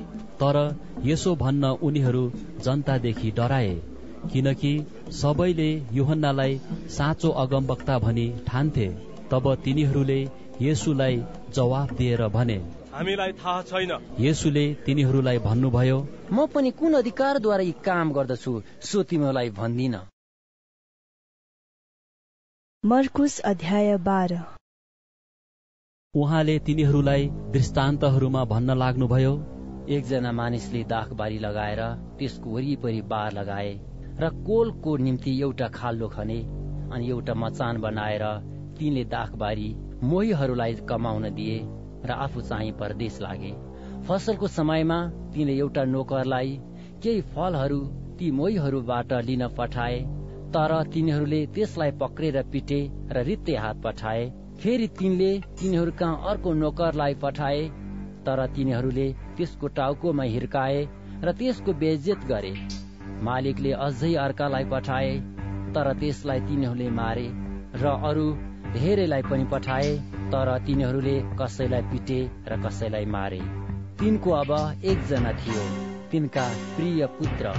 तिनीहरूले मेरा छोरालाई त आदर गर्लान् भनेर सबैभन्दा पछि तिनले उनैलाई तिनीहरूकहाँ पठाए। तर ती मोहीहरूले आपसमा भने यो त उत्तराधिकारी हो। आओ हामी यसलाई मारौं र हक हाम्रो नै हुनेछ अनि तिनीहरूले उनलाई पक्रेर मारे र दाखबारीको बाहिर फ्याँकिदिए। तब दाखबारीका मालिकले के गर्नेछन्? तिनी आउनेछन् र ती मोहीहरूलाई नाश गर्नेछन् र दागबाई अरूहरूलाई दिनेछन्। के तिमीहरूले धर्मशास्त्रको यो वचन पढेका छैनौ? जुन ढुङ्गालाई भवन निर्माण गर्नेहरूले रद्द गरे त्यही चाहिँ कुनाको शिर ढुङ्गा बन्यो। यो परमप्रभुबाट भएको हो अनि हाम्रो दृष्टिमा यो आश्चर्यको छ। त्यसपछि तिनीहरूले उहाँलाई पक्रन खोजे किनकि यो दृष्टान्त उहाँले तिनीहरूकै विरुद्धमा भन्नुभएको हो भनी तिनीहरूले बुझे। तर तिनीहरू भिडसँग डराएको कारणले उहाँलाई छोडेर गइहाले। पछिबाट उहाँलाई बातमा फसाउ भनेर तिनीहरूले फरिसीहरू र हेरोदीहरू मध्येका कोही व्यक्तिहरूलाई उहाँ कहाँ पठाए? तिनीहरू आएर उहाँलाई भने गुरुज्यू हामी जान्दछौ। तपाईँ साँचो हुनुहुन्छ र कसैको वास्ता गर्नुहुन्न किनकि तपाईँ मुख हेरेर काम गर्नुहुन्न। तर परमेश्वरको मार्ग साँचो रीतिले सिकाउनुहुन्छ। भन्नुहोस् कैसरलाई कर तिर्नु न्यायसँग छ कि छैन? हामी कर तिरौँ कि नतिरौँ येसुले तिनीहरूको कपटीपन थाहा पाएर तिनीहरूलाई भन्नुभयो तिमीहरू किन मलाई परीक्षा गर्दछौ? एउटा दिना ल्याएर देखाओ। तिनीहरूले एउटा सिक्का ल्याए उहाँले तिनीहरूलाई भन्नुभयो यो तस्बिर र छाप कसको हो? तिनीहरूले उहाँलाई भने कैसरको। तब येसुले तिनीहरूलाई भन्नुभयो कैसरका चिजहरू कैसरलाई दियो र परमेश्वरका चिजहरू परमेश्वरलाई। तिनीहरूले उहाँसँग अचम्म माने मृतकबाट पुनरुत्थान हुँदैन भन्ने सदुकीहरू उहाँ कहाँ आए अनि उहाँलाई सोधे गुरुज्यू मोसाले हामीलाई लेखिदिएका छन् कि कसैको दाजु मर्यो र निसन्तान भएर स्वास्नीलाई छोडिराख्यो भने उसको भाइले त्यस स्त्रीलाई लैजानु पर्छ र आफ्नो दाजुको निम्ति सन्तान खडा गर्नुपर्छ। एउटा परिवारमा सात भाइ थिए। जेठाले एउटी स्वास्नी ल्यायो अनि त्यो मानिस निसन्तान भएर मर्यो। अब माइला भाइले त्यस स्त्रीलाई विवाह गर्यो र त्यो पनि निसन्तान भएर मर्यो अनि साइलाले पनि त्यस्तै गर्यो। अनि सातै भाइको सन्तान भएन। सबैभन्दा पछि त्यो स्त्री पनि मरि। अब मृतकहरूको पुनरुत्थानमा तिनीहरू मध्ये त्यो कसकी स्वास्नी हुन्छ? किनकि ती सातैजनाले त्यसलाई विवाह गरेका थिए। येसुले तिनीहरूलाई भन्नुभयो तिमीहरू भुलमा परेको कारण यही होइन र कि तिमीहरू न त धर्मशास्त्र जान्दछौ न परमेश्वरको शक्तिलाई जान्दछौ। किनकि जब मृतकबाट तिनीहरूको पुनरुत्थान हुन्छ तिनीहरू न त विवाह गर्छन् न तिनीहरूको विवाह हुन्छ। तर तिनीहरू स्वर्गमा भएका दूतहरू जस्तै हुन्छन्। मृतकहरू जीवित भई उठ्ने कुराको विषयमा के तिमीहरूले मोसाको पुस्तकमा पढेका छैनौ? कि कसरी पोथ्रोको विषयमा लेखिएको खण्डमा परमेश्वरले मोसालाई भन्नुभयो म अब्राहमका परमेश्वर इसहाकका परमेश्वर र याकुबका परमेश्वर हुँ। उहाँ मुर्दाहरूका परमेश्वर हुनुहुन्न। तर जिउँदाहरूका हुनुहुन्छ। तिमीहरू एकदमै भुलमा परेका छौ। शास्त्रीहरू मध्ये एकजना आए र तिनीहरूलाई आपसमा विवाद गरिरहेका सुने। येसुले मानिसहरूलाई ठिक जवाब दिनुभएको देखेर तिनले उहाँलाई सोधे सबै आज्ञाहरूमा मुख्य चाहिँ कुन हो? येसुले जवाब दिनुभयो सबैभन्दा मुख्य चाहिँ यो हो हे इसरायल सुन परमप्रभु हाम्रा परमेश्वर एउटै परमप्रभु हुनुहुन्छ। तैले परमप्रभु आफ्ना परमेश्वरलाई तेरो सारा हृदयले तेरो सारा प्राणले तेरो सारा समझले र तेरो सारा शक्तिले प्रेम गर। दोस्रो चाहिँ यो हो तैले आफ्नो छिमेकीलाई आफूलाई जस्तै प्रेम गर। यो भन्दा ठुलो आज्ञा अर्को छैन। त्यस शास्त्रीले उहाँलाई भने गुरुज्यू तपाईँले ठिक भन्नुभयो। परमेश्वर एउटै हुनुहुन्छ। उहाँ बाहेक अर्को कोही छैन। उहाँलाई सारा हृदयले सारा समझले सारा शक्तिले प्रेम गर्नु र छिमेकीलाई आफूलाई जस्तै प्रेम गर्नु सबै होम बलि र बलिदानहरू भन्दा उत्तम हो। तिनले बुद्धिमानी साथ जवाब दिएका देखेर येसुले तिनलाई भन्नुभयो तिमी परमेश्वरको राज्यदेखि टाढा छैनौ। त्यस समयदेखि उहाँलाई प्रश्न गर्ने कसैको हिम्मत भएन। अनि मन्दिरमा सिकाउनु हुँदा येसुले भन्नुभयो कसरी ख्रिस दाहुदका पुत्र हुन् भनी व्यवस्थाका शास्त्रीहरू भन्दछन्? किनकि दाउद आफैले पवित्र आत्माद्वारा भनेका छन् परम प्रभुले मेरा प्रभुलाई भन्नुभयो तिमी मेरो दाहिने हातपट्टि बस। जबसम्म म तिम्रा शत्रुहरूलाई तिम्रा खुट्टाका पैताला मुनि राख्दिन। जब दाउद आफैले उनलाई प्रभु भन्दछन् त कहाँबाट उनी तिनका पुत्र भए? अनि त्यहाँको ठूलो भिडले उहाँको वचन खुसी साथ सुन्यो। तब शिक्षा दिनुहुँदा येसुले भन्नुभयो शास्त्रीहरूदेखि होसियार रहो। तिनीहरू लामो वस्त्र लाएर यताउता डुल्न र बजारहरूमा अभिवादन पाउन तथा सभाघरहरूमा प्रमुख स्थान र भोजहरूमा आदरको स्थान पाउन रुचाउँछन्। तिनीहरू विधवाहरूका घर लुट्छन् तर लोकाचारको लागि लामो लामो प्रार्थना गर्दछन्। यस्ता मानिसहरूले अझ बढी दण्ड पाउनेछन्। अनि उहाँ मन्दिरको भेटी चढाउने ठाउँको सामुन्ने बस्नुभयो र भीड़ले भेटी पात्रमा भेटी चढाएको हेर्नुभयो। धेरै धनी मानिसहरूले ठूला ठूला रकम चढाए अनि एउटी गरिब विधुवाले आएर तामाका दुई सिक्का अर्थात् एक पैसा चढाए। आफ्ना चेलाहरूलाई आफू कहाँ बोलाएर उहाँले तिनीहरूलाई भन्नुभयो साँच्चै म तिमीहरूलाई भन्दछु भेटी पात्रमा चढाउनेहरू मध्ये यस गरिब विधुवाले सबैभन्दा बढी चढाई किनभने सबैले आफ्नो आफ्नो प्रशस्तताबाट चढाए तर यस स्त्रीले चाहिँ आफ्नो दरिद्रताबाट आफ्नो सारा जीविका नै अर्पण गरी। मर्कुस अध्याय तेह्र। जब उहाँ मन्दिरबाट निस्कदै हुनुहुन्थ्यो। तब उहाँका चेलाहरू मध्ये एकजनाले उहाँलाई भने हेर्नुहोस् गुरुज्यू कति ठुला ठुला ढुङ्गाहरू र कति भव्य भवनहरू। येसुले तिनलाई भन्नुभयो यहाँ त एउटा ढुङ्गा माथि अर्को ढुङ्गा नछोडिने गरी सबै भत्काइने छन् अनि उहाँ मन्दिरको सामुन्ने जैतुन डाँडामा बस्नुहुँदा पत्रुस याकुब योहन्ना र अन्द्रियासले उहाँलाई गुप्तमा सोधे हामीलाई भन्नुहोस् यी घटनाहरू कहिले हुनेछन् र यी सब कुरा पूरा हुनका निम्ति के चिन्ह हुनेछ? येसुले तिनीहरूलाई भन्नुभयो होसियार कसैले तिमीहरूलाई भ्रम नपारोस्। धेरैजना मेरो नाउँमा म उही नै हुँ भन्दै आउनेछन् र तिनीहरूले धेरैलाई भ्रममा पार्नेछन्। जब तिमीहरूले लडाई र लडाईहरूको हल्ला सुन्नेछौ तब न डराओ यस्ता घटनाहरू हुनु आवश्यक छ। तर अन्त्यको दिन आउनु अझ बाँकी नै छ। किनभने जातिको विरुद्धमा जाति र राज्यको विरुद्धमा राज्य खडा हुनेछ ठाउँ ठाउँमा भूकम्पहरू जानेछन् अनि कालहरू हुनेछन्। यो चाहिँ स्त्रीलाई प्रसव वेदना सुरु भए झै संकष्टको आरम्भ हो। तिमीहरू आफ्ना विषयमा होसियार हो तिनीहरूले तिमीहरूलाई अदालतमा सुम्पनेछन्।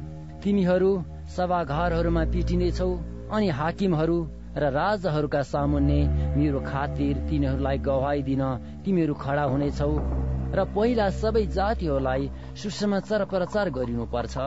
जब मानिसहरूले तिमीहरूलाई पक्री लगेर मुद्दा चलाउँछन् तब के बोलौ भनी अघिबाटै फिक्री नगर। तर त्यसै बेला जे तिमीहरूलाई दिइन्छ त्यही बोल किनकि बोल्ने तिमीहरू होइनौ तर पवित्र आत्मा हुनुहुनेछ। एउटा भाइले अर्को भाइलाई मृत्युको लागि सुम्पनेछ र त्यसै गरी बाबुले छोरालाई छोरा छोरीहरू आमा बाबुहरूका विरुद्धमा खडा हुनेछन् र तिनीहरूलाई मार्न लाउनेछन्। अनि मेरो नाउँको खातिर तिमीहरू सबैबाट घृणित हुनेछौ तर जो अन्तिम स्थिर रहन्छ त्यसको उद्धार हुनेछ। जब तिमीहरू विनाशकारी घृणी थोकलाई जहाँ हुनु नपर्ने त्यही उभिएको देख्छौ पढ्नेले बुझोस्। तब यहुदियामा हुनेहरू पहाडहरूतिर भागुन्। घरको कौसीमा हुने तल नओर्लोस् न त आफ्नो घरबाट केही निकाल्नलाई भित्र पसोस्। खेतमा हुने आफ्नो खास्टो लिन पछाडि नफर्कोस् तर हाय ती दिनमा गर्भवती र दुध खुवाउने आमाहरूलाई त्यो हिउँदमा नहोस् भनी प्रार्थना गर। किनकि ती दिनहरूमा यस्तो महासङ्कष्ट आइपर्नेछ कि परमेश्वरले गर्नुभएको सृष्टिको सुरुदेखि अहिलेसम्म न त यस्तो भएको छ न कहिल्यै हुनेछ। यदि परमेश्वरले ती दिन नघटाइदिनु भएको भए त कुनै मानिस बाँच्ने थिएन तर उहाँले चुन्नु भएकाहरूका खातिर ती दिन घटाउनु भएको छ। त्यो बेला कसैले तिमीहरूलाई हेर ख्रिस्ट यहाँ छन् वा त्यहाँ छन् भन्यो भने तिमीहरू विश्वास नगर। किनभने झुट्टा ख्रिस्टहरू र झुट्टा अगमवक्ताहरू खडा हुनेछन् अनि सम्भव भए चुनिएकाहरूलाई भ्रममा पार्न तिनीहरूले चिन्हहरू र आश्चर्यका कामहरू गर्नेछन्। तर तिमीहरू चाहिँ होसियार रहो हेर मैले तिमीहरूलाई सबै कुरा अघिबाटै भनिदिएकै छु। तर ती दिनमा त्यस महासङ्कष्टपछि सूर्य अँध्यारो हुनेछ र चन्द्रमाले आफ्नो चमक दिने छैन। ताराहरू आकाशबाट खस्नेछन् र आकाशमा भएका शक्तिहरू डगमगाउनेछन् अनि त्यस समयमा मानिसहरूले मानिसको पुत्रलाई शक्ति र महिमासित बादलमा आउँदै गरेको देख्नेछन् तब उसले स्वर्गदूतहरूलाई उठाउनेछ र पृथ्वीको अन्त्यदेखि आकाशको अन्त्यसम्म चारै दिशाबाट आफ्ना चुनिएकाहरूलाई भेला गर्नेछ। अन्जिरको रुखबाट पार्सिक त्यसको हाँगा कमलो भएर पालुवा हाल्ने बित्तिकै ग्रीष्म ऋतु नजिक आएछ भन्ने तिमीहरू थाहा पाउँछौ। यसरी नै तिमीहरूले पनि जब यी घटनाहरू भइरहेका देख्छौ तब ऊ नजिक छ ढोकामा नै छ भन्ने जान। साँच्चै म तिमीहरूलाई भन्दछु यी सबै कुरा भइ नसकुन्जेल यो पुस्ता बिति जाने छैन। स्वर्ग र पृथ्वी बिति जानेछ तर मेरा वचन कहिल्यै बित्ने छैनन्। तर त्यस दिन र त्यस घडीको विषयमा पिताले बाहेक अरू कसैले जान्दैन न त स्वर्गमा हुने स्वर्गदूतहरूले न पुत्रले। होसियार रहो जागा बस र प्रार्थना गर किनकि त्यो बेला कहिले आउने हो सो तिमीहरू जान्दैनौ। यो त मालिकले आफ्ना चाकरहरूलाई घरको प्रत्येक काम र दायित्व जिम्मा दिएर र पालेलाई जागा रहनु भनी आज्ञा दिएर परदेश लागेको जस्तो हो। यस कारण तिमीहरू पनि जागा रहो किनकि घरको मालिक बेलुकी कि आधा रातमा कि भाले बास्ता कि बिहान कहिले आउने हो सो तिमीहरू जान्दैनौ। नत्र त ऊ अचानक आउँदा उसले तिमीहरूलाई निदाइरहेका भेट्टाउला। जे म तिमीहरूलाई भन्दछु त्यो म सबैलाई भन्दछु। जागा रहो। मर्कुस अध्याय चौध। यसको दुई दिनपछि निस्तार र अखमिरी रोटीको चाड थियो। मुख्य पुजाहारीहरू र शास्त्रीहरू उहाँलाई कसरी छलद्वारा पक्रेर मारौं भन्ने दाउमा थिए किनभने तिनीहरूले भनेका थिए चाडको बेलामा होइन न त मानिसहरूमा हुलदङ्गा मचिएला। उहाँ बेथानियामा सिमोन कुष्ठ रोगीको घरमा खाना बस्नुहुँदा एउटी स्त्री विशुद्ध जटामसीको बहुमूल्य अत्तर सिंगमरमरको सिसीमा लिएर आई र त्यो सिसी फुटाएर त्यो सुगन्धित जटामसीको अत्तर उहाँको शिरमा खन्याई। तर कोही कोहीले रिस गरेर आपसमा भन्न लागे यो सुगन्धित अत्तर किन यसरी नोक्सानी गरेको? किनकि यो अत्तर तीन सय चाँदीका सिक्का भन्दा बढीमा बिक्री गरेर गरिबहरूलाई त्यो पैसा दिन सकिन्थ्यो। अनि तिनीहरूले त्यस स्त्रीलाई झपारे। तर येसुले भन्नुभयो छोडिदेऊ किन तिमीहरू त्यसलाई सताउँछौ? त्यसले म प्रति असल काम गरेकी छे। किनभने गरिबहरू त तिमीहरूसँग सधैँ हुन्छन् र इच्छा लागेको कुनै पनि समय तिमीहरू तिनीहरूको भलाइ गर्न सक्छौ। तर म त सधैँ तिमीहरूका साथमा हुँदिन। यस स्त्रीले जे गर्न सक्थे त्यही गरेकी छे। यसले मेरो शरीरको दफनको निम्ति अघिबाटै सुगन्धित अत्तर घसेर तयार पारेकी छे। साँच्चै म तिमीहरूलाई भन्दछु सारा संसारमा जहाँ जहाँ यो सुसमाचार प्रचार गरिन्छ यस स्त्रीले जे गरेकी छे उसको सम्झनाको लागि यो कार्यको वर्णन गरिनेछ। तब बाह्र चेलाहरू मध्ये एकजना यहुदा इस्करियोत चाहिँ यसुलाई तिनीहरूका हातमा पक्राइदिनका निम्ति मुख्य पुजाहारीहरू कहाँ गयो। तिनीहरू यो सुनेर खुसी भए र त्यसलाई पैसा दिने कबुल गरे। अनि उहाँलाई कसरी पक्राउ भने त्यसले अनुकूल मौका खोज्न लाग्यो। अखमिरी रोटीका चाडको प्रथम दिनमा जब तिनीहरूले निस्तार चाडको थुमा बलिदान चढाउँथे उहाँका चेलाहरूले उहाँलाई सोधे तपाईँको इच्छा के छ? हामी कहाँ गएर तपाईँको निम्ति निस्तार चाडको भोज तयार गरौं? अनि उहाँले आफ्ना चेलाहरू मध्ये दुईजनालाई यसो भनेर पठाउनु भयो सहरमा जाओ र घैलामा पानी बोकेर लैजाने एकजना मानिसले तिमीहरूलाई भेट्नेछ। उसको पछि लाग। त्यो मानिस जहाँ पस्ला त्यस घरका मालिकलाई भन। गुरुज्यू भन्नुहुन्छ मेरा चेलाहरूसँग निस्तारको भोज खाने मेरो पाहुना कोठा कहाँ छ? अनि तिनले तिमीहरूलाई सजी सजाउ गरेर तयार पारिएको माथिल्लो तलाको एउटा ठुलो कोठा देखाउनेछन् र त्यही तिमीहरूले हाम्रा निम्ति भोज तयार गर। तब ती चेलाहरू गए र सहरमा पसे अनि उहाँले तिनीहरूलाई भन्नुभए जस्तै भेट्टाए र तिनीहरूले निस्तार चाडको भोज तयार गरे। साँझ हुँदा उहाँ बाह्रै जनासँग आउनुभयो। उहाँहरू ढल्केर खानु हुँदै गर्दा येसुले भन्नुभयो साँच्चै म तिमीहरूलाई भन्दछु। तिमीहरू मध्ये मसँग खाने एकजनाले मलाई धोका दिनेछ। तिनीहरू दुखित भए अनि पालै पालो उहाँलाई के त्यो म हुँ?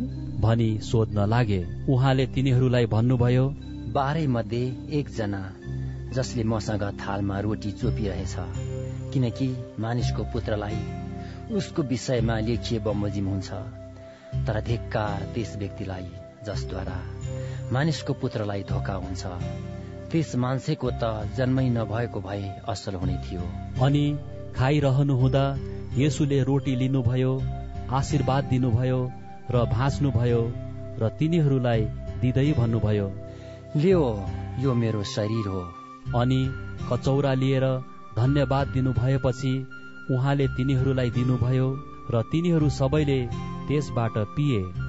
अनि उहाँले तिनीहरूलाई भन्नुभयो यो नयाँ करारको मेरो रगत हो जो धेरैका निम्ति बहाइन्छ साँच्चै म तिमीहरूलाई भन्दछु। म दाहको रसबाट त्यस दिनसम्म पिउने छैन।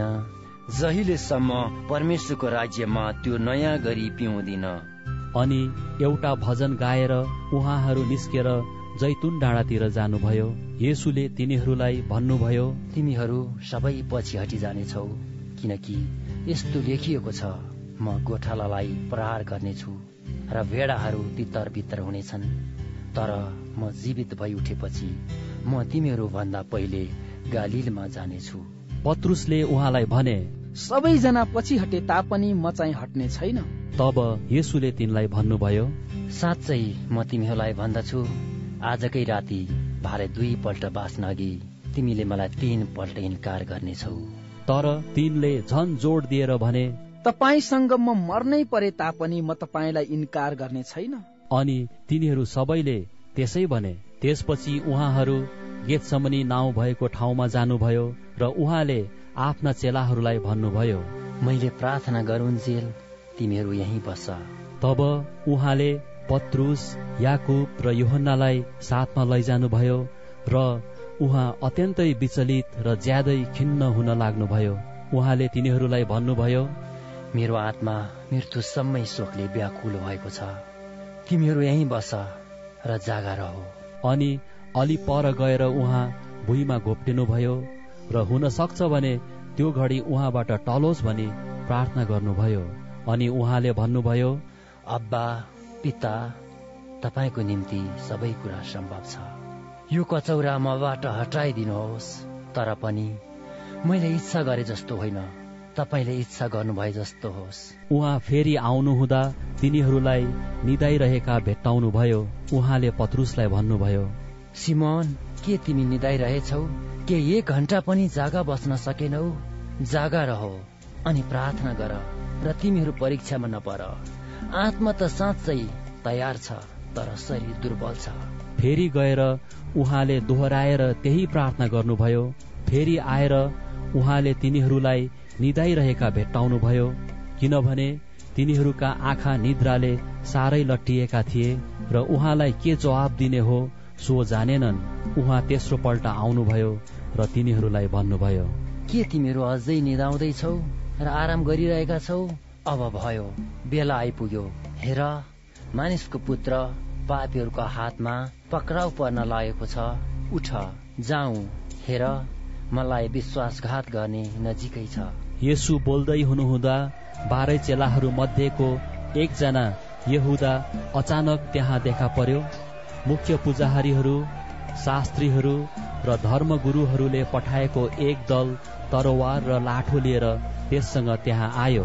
उहाँलाई विश्वासघात गर्नेले तिनीहरूलाई यस्तो एउटा संकेत दिएको थियो।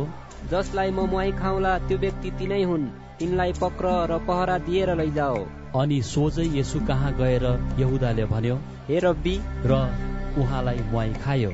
तब तिनीहरूले येसुलाई समाते र गिरफ्तार गरे। त्यहाँ नजिक उभिनेहरू मध्ये कुनै एउटाले तरवार धुतेर प्रधान पुजारीको कमारालाई प्रहार गर्यो र त्यसको कान च्वाट्ट काटिदियो। येसुले तिनीहरूलाई भन्नुभयो के तिमीहरू एउटा डाकुलाई जस्तै तरबार र लौरा समेत लिएर मलाई पक्रन आएका छौ?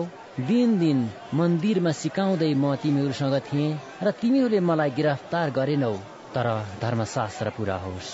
अनि सबै चेलाहरू उहाँलाई त्यागेर भागे। आफ्नो शरीरलाई एउटा सुती कपडाले मात्र बेरेको एकजना जवान उहाँको पछि लाग्यो। तिनीहरूले त्यस जवानलाई समाते तर कपडा छोडेर त्यो नाङ्गै भाग्यो। तब तिनीहरूले येसुलाई प्रधान पुजाहारी कहाँ लगे र त्यहाँ सबै मुख्य पुजाहारीहरू धर्मगुरुहरू र शास्त्रीहरू त्यहाँ जम्मा भएका थिए। पत्रुस चाहिँ टाढैबाट प्रधान पुजाहारीको आँगनभित्र उहाँको पछि पछि लागे अनि त्यहाँ सिपाहीहरूसँग बसेर तिनी आगो ताप्न लागे।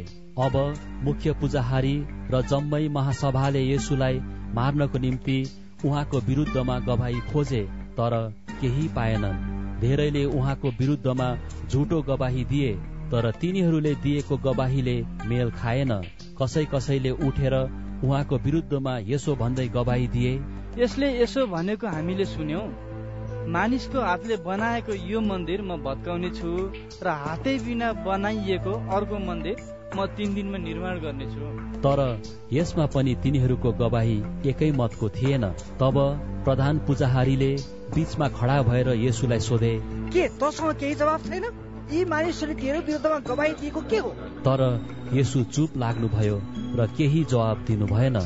फेरि प्रधान पुजाहारीले उहाँलाई सोधे के त परम धन्यको पुत्र ख्रिस होस् येसुले भन्नुभयो म हुँ अनि तपाईँहरूले मानिसको पुत्रलाई सर्वशक्तिमानको दाहिने बाहुलीतर्फ बसिरहेको र आकाशका बादलहरूका साथमा आइरहेको देख्नुहुनेछ।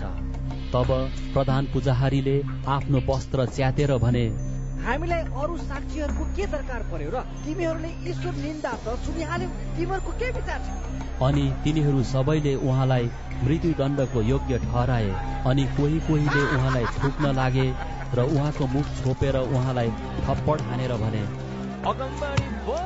त्यसपछि पहरादारले उहाँलाई आफ्नो जिम्मामा लिए र उहाँलाई मुक्का हाने। पत्रुस तल आँगनमा हुँदा प्रधान पुजाहारीका लोकर्नीहरू मध्ये एकजना त्यहाँ आई र पत्रुसलाई आगो तापिरहेका देखेर तिनलाई निहालेर हेरी भनी तिमी पनि यीशु नासरीसँगै थियौ। तर तिनले यसो भन्दै इन्कार गरे। तिमीले के भने कि तँ न जान्दछु न बुझ्दछु? अनि तिनी बाहिरको मूल ढोकातिर गए अनि भाले बास्यो। नोकर्नीले उभिनेहरूसँग फेरि भन्न लागि यिनी त तिनीहरू मध्येका एक हुन्। तर पत्रुसले फेरि इन्कार गरे। तर केही बेरपछि वरपर उभिनेहरूले फेरि पत्रुसलाई भने पक्कै तिमी तिनीहरू मध्येका एक हौ किनकि तिमी गालिली हौ। तर तिनले आफूलाई धिक्कार्दै किरिया खाएर भन्न लागे। जसको विषयमा तिमीहरू भन्छौ त्यस मानिसलाई म चिन्दिन। अनि तुरुन्तै दोस्रो पल्ट भाले बास्यो र पत्रुसलाई येसुले यसो भन्नुभएको कुरा सम्झना भयो। भाले दुई पल्ट बाँच्न अघि तिमीले मलाई तीन पल्ट इन्कार गर्नेछौ। अनि त्यस कुरालाई सम्झेर तिनी धुरु धुरु रोए। मर्कुस अध्याय पन्ध्र। बिहान हुने बित्तिकै मुख्य पुजाहारीहरू धर्मगुरुहरू शास्त्रीहरू र जम्मै महासभाले आपसमा सल्लाह गरी येसुलाई बाँधेर लगे र पिलातस कहाँ सुम्पिदिए। पिलातसले उहाँलाई सोधे के तिमी यहुदीहरूका राजा हौ? उहाँले उनलाई जवाब दिनुभयो। तपाईँ नै त्यसो भन्नुहुन्छ। मुख्य पुजाहारीहरूले उहाँमाथि धेरै कुराको दोष लगाए। पिलातसले उहाँलाई फेरि यसो भनेर सोधे के तिमीसित केही जवाब छैन? हेर तिम्रो विरुद्धमा तिनीहरूले कति कुराहरूको दोष लगाउँछन्? तर यसुले फेरि केही जवाब दिनु भएन। यहाँसम्म कि पिलातस छक्क परे। निस्तार चाडको बेला मानिसहरूले मागेको एकजना कैदीलाई तिनीहरूका निम्ति पिलातसले छोड्ने गर्थे। विद्रोहको समयमा हत्या गर्ने विद्रोहीहरू झ्यालखानमा थिए। तीमध्ये बारब्बा नाउँको एकजना त्यहाँ थियो। भिड आयो। र पिलातसलाई उनको चलन अनुसार तिनीहरूका निम्ति गरिदिउन् भनी बिन्ती गर्न लाग्यो। पिलातसले यसो भनेर तिनीहरूलाई प्रश्न गरे के म तिमीहरूका निम्ति यहुदीहरूका राजालाई छोडिदिउँ भन्ने तिमीहरू चाहन्छौ? किनकि ईर्ष्याले गर्दा नै मुख्य पुजाहारीहरूले यसुलाई उनी कहाँ सुम्पेका हुन् भने उनलाई थाहा थियो। तर बरु बारब्बालाई तिनीहरूका निम्ति उनले छोडिदिउन् भनेर मुख्य पुजारीहरूले भिडलाई सुर्याए। पिलातसले फेरि तिनीहरूलाई सोधे त्यसो भए जसलाई तिमीहरू यहुदीहरूका राजा भन्छौ उसलाई चाहिँ म के गरौँ त? तिनीहरू फेरि चिच्चाए यसलाई क्रुसमा टाङ्नुहोस् पिलातसले तिनीहरूलाई भने किन? उसले के अपराध गरेको छ र? तर झन साह्रो गरी चिच्चाएर तिनीहरूले भने यसलाई क्रुसमा टाङ्नुहोस् तब पिलातसले भिडलाई सन्तुष्ट पार्ने इच्छाले तिनीहरूका निम्ति बारब्बालाई छोडिदिए। र यसुलाई गोर्रा लाएर क्रुसमा टाग्न सुम्पिदिए सिपाहीहरूले उहाँलाई पेटोरियन अर्थात् महलभित्र लगे र जम्मै पल्टनलाई भेला गराए अनि तिनीहरूले उहाँलाई बैजनी रङ्गको वस्त्र लगाइदिए र काँडाहरूको मुकुट गाँथेर उहाँको शिरमा लगाइदिए अनि यहुदीहरूका राजाको जय। भन्दै तिनीहरूले उहाँलाई सलाम गर्न लागे अनि तिनीहरूले उहाँको शिरमा निगालोले हिर्काउँदै उहाँलाई थुके र घुँडा टेकेर उहाँलाई दण्डवत गरे। अनि येसुको किल्ला गरिसकेपछि तिनीहरूले पैजनी वस्त्र फुकालिदिए र उहाँका आफ्नै लुगा लगाइदिए। त्यसपछि तिनीहरूले उहाँलाई क्रुसमा टाँग्नलाई बाहिर लगे। अनि अलेक्जेन्डर र रुफसका बाबु कुरेनी बासिन्दा सिमोनलाई गाउँबाट आइरहेका तिनीहरूले भेटे र येसुको क्रुस बोकेर लैजान तिनलाई कर लगाए। त्यसपछि तिनीहरूले येसुलाई गलगथा भन्ने ठाउँमा ल्याए। गलगथाको अर्थ खोपडीको स्थान हो। अनि तिनीहरूले उहाँलाई मुर मिसाएको दागमध्ये दिए तर उहाँले त्यो ग्रहण गर्नु भएन। तिनीहरूले उहाँलाई क्रुसमा टाँगे अनि कसले कुन भाग पाउने सो निश्चय गर्न चिट्ठा हालेर तिनीहरूले उहाँका लुगाहरू आपसमा बाँडे। तिनीहरूले उहाँलाई क्रुसमा टाङ्दा बिहानको नौ बजेको थियो। उहाँको दोष पत्रमा यहुदीहरूको राजा भन्ने लेखिएको थियो। तिनीहरूले उहाँसँग दुईजना डाकुहरू क्रुसमा टाँगे एउटालाई उहाँको दाहिनेपट्टि र अर्कालाई उहाँको देब्रेपट्टि धर्मशास्त्रको वचन यसरी पूरा भयो। त्यहाँबाट जाने मानिसहरूले आफ्नो मुन्टो हल्लाउँदै यसो भनेर उहाँलाई गिल्ला गरे। वाह त मन्दिर भत्काएर तिन दिनमा बनाउने। क्रुसबाट ओर्लेर आइज र आफूलाई बेच। त्यसै गरी मुख्य पुजारीहरूले पनि शास्त्रीहरूसँग यसो भन्दै आपसमा उहाँको ठट्टा गरे। यसले अरूलाई बचायो तर आफूलाई चाहिँ बचाउन सक्दैन। यो इसरायलका राजा ख्रिस्ट अब क्रुसबाट ओर्लेर आओस् र हामी त्यो देख्नेछौ र विश्वास गर्नेछौ। उहाँसँग क्रुसमा टाँगेकाहरूले पनि उहाँको निन्दा गरे। बाह्र बजेदेखि तीन बजेसम्म सारा देशलाई अन्धकारले छोप्यो। तीन बजेतिर यसो भनेर यसो ठुलो स्वरले कराउनु भयो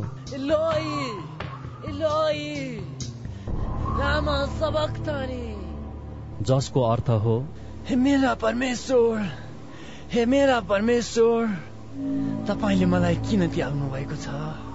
वरपर उभिनेहरू मध्ये कोही कोहीले यो सुनेर भने सुन त्यसले एलियालाई बोलाउँदैछ। अनि एकजनाले दौडेर गई एउटा स्पन्ज सिर्कामा पुरै चोपेर एउटा लामो निगालोमा यसो भनेर उहाँलाई पिउन दियो। हेरौँ कतै एलिया त्यसलाई झार्न आउँछन् कि? तब येसुले ठुलो स्वर निकालेर प्राण त्याग्नु भयो अनि मन्दिरको पर्दा टुप्पादेखि फेदसम्मै दुई भाग भई च्यातियो। येसुले यसरी प्राण त्याग्नु भएको देखेर उहाँको सामान्य उभिएका कप्तानले भने साँच्चै नै यी मानिस परमेश्वरका पुत्र रहेछ। त्यहाँ टाढैबाट हेरिरहने केही स्त्रीहरू पनि थिए। तिनीहरू मध्ये मरियम मगदलिनी अनि सानो चाहिँ याकुब र योसेफकी आमा मरियम र सलोमी थिए। उहाँ गालिलमा हुनुहुँदा यिनीहरूले उहाँलाई पछ्याउँथे र उहाँको सेवा टहल गर्थे। येसुको साथमा यरुसलेममा आएका अरू धेरै स्त्रीहरू पनि त्यहाँ थिए। तयारीको दिन अर्थात् सबात दिनको अघिल्लो दिन साँझ पर्दै थियो। महासभाका प्रतिष्ठित सदस्य अरिमाथियाका योसेफ जसले परमेश्वरका राज्यको बाटो हेर्दै थिए। तिनले साहसपूर्वक पिलातस कहाँ गएर येसुको लास मागे। येसु अघि नै मरिसक्नु भएको सुन्दा पिलातस छक्क परे। अनि कप्तानलाई आफू कहाँ बोलाएर उहाँको मृत्यु भएको हो कि होइन भनी सोधपुछ गरे। उहाँको मृत्यु भइसकेको कुरा कप्तानबाट थाहा पाएपछि पिलातसले यीशुको मृत शरीर योसेफलाई लैजाने अनुमति दिए। अनि योसेफले मलमलका कपडा किने र लास तल झारेर कपडाले बेरे अनि चट्टानमा खोपेर बनाइएको एउटा चिहानमा राखे। त्यसपछि चिहानको मुखमा तिनले एउटा ढुङ्गा राखिदिए मरियम मगदलिनी र योसेफकी आमा मरियमले उहाँलाई राखेको ठाउँ हेरिराखेका थिए। मर्कुस अध्याय सोह्र।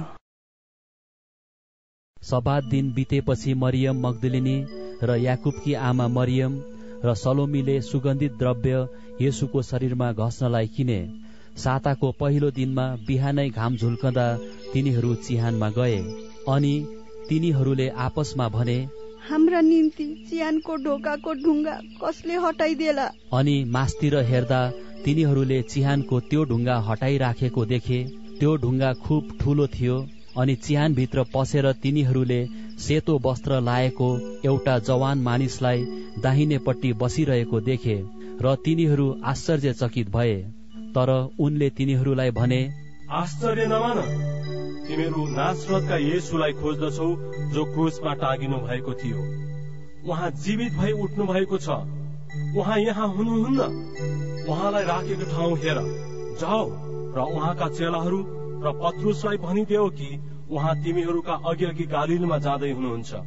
उहाँले तिमीहरूलाई भन्नुभयो बमोजिम तिमीहरू उहाँलाई त्यहाँ देख्नेछौ।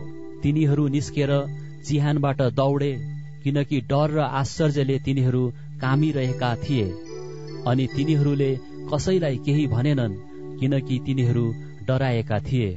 हप्ताको पहिलो दिनको बिहानै उहाँ जीवित भई उठ्नु भएपछि उहाँ पहिले मरियम मगदिलिनी कहाँ देखा पर्नुभयो तिनीबाट येसुले सात भूतहरू निकाल्नु भएको थियो।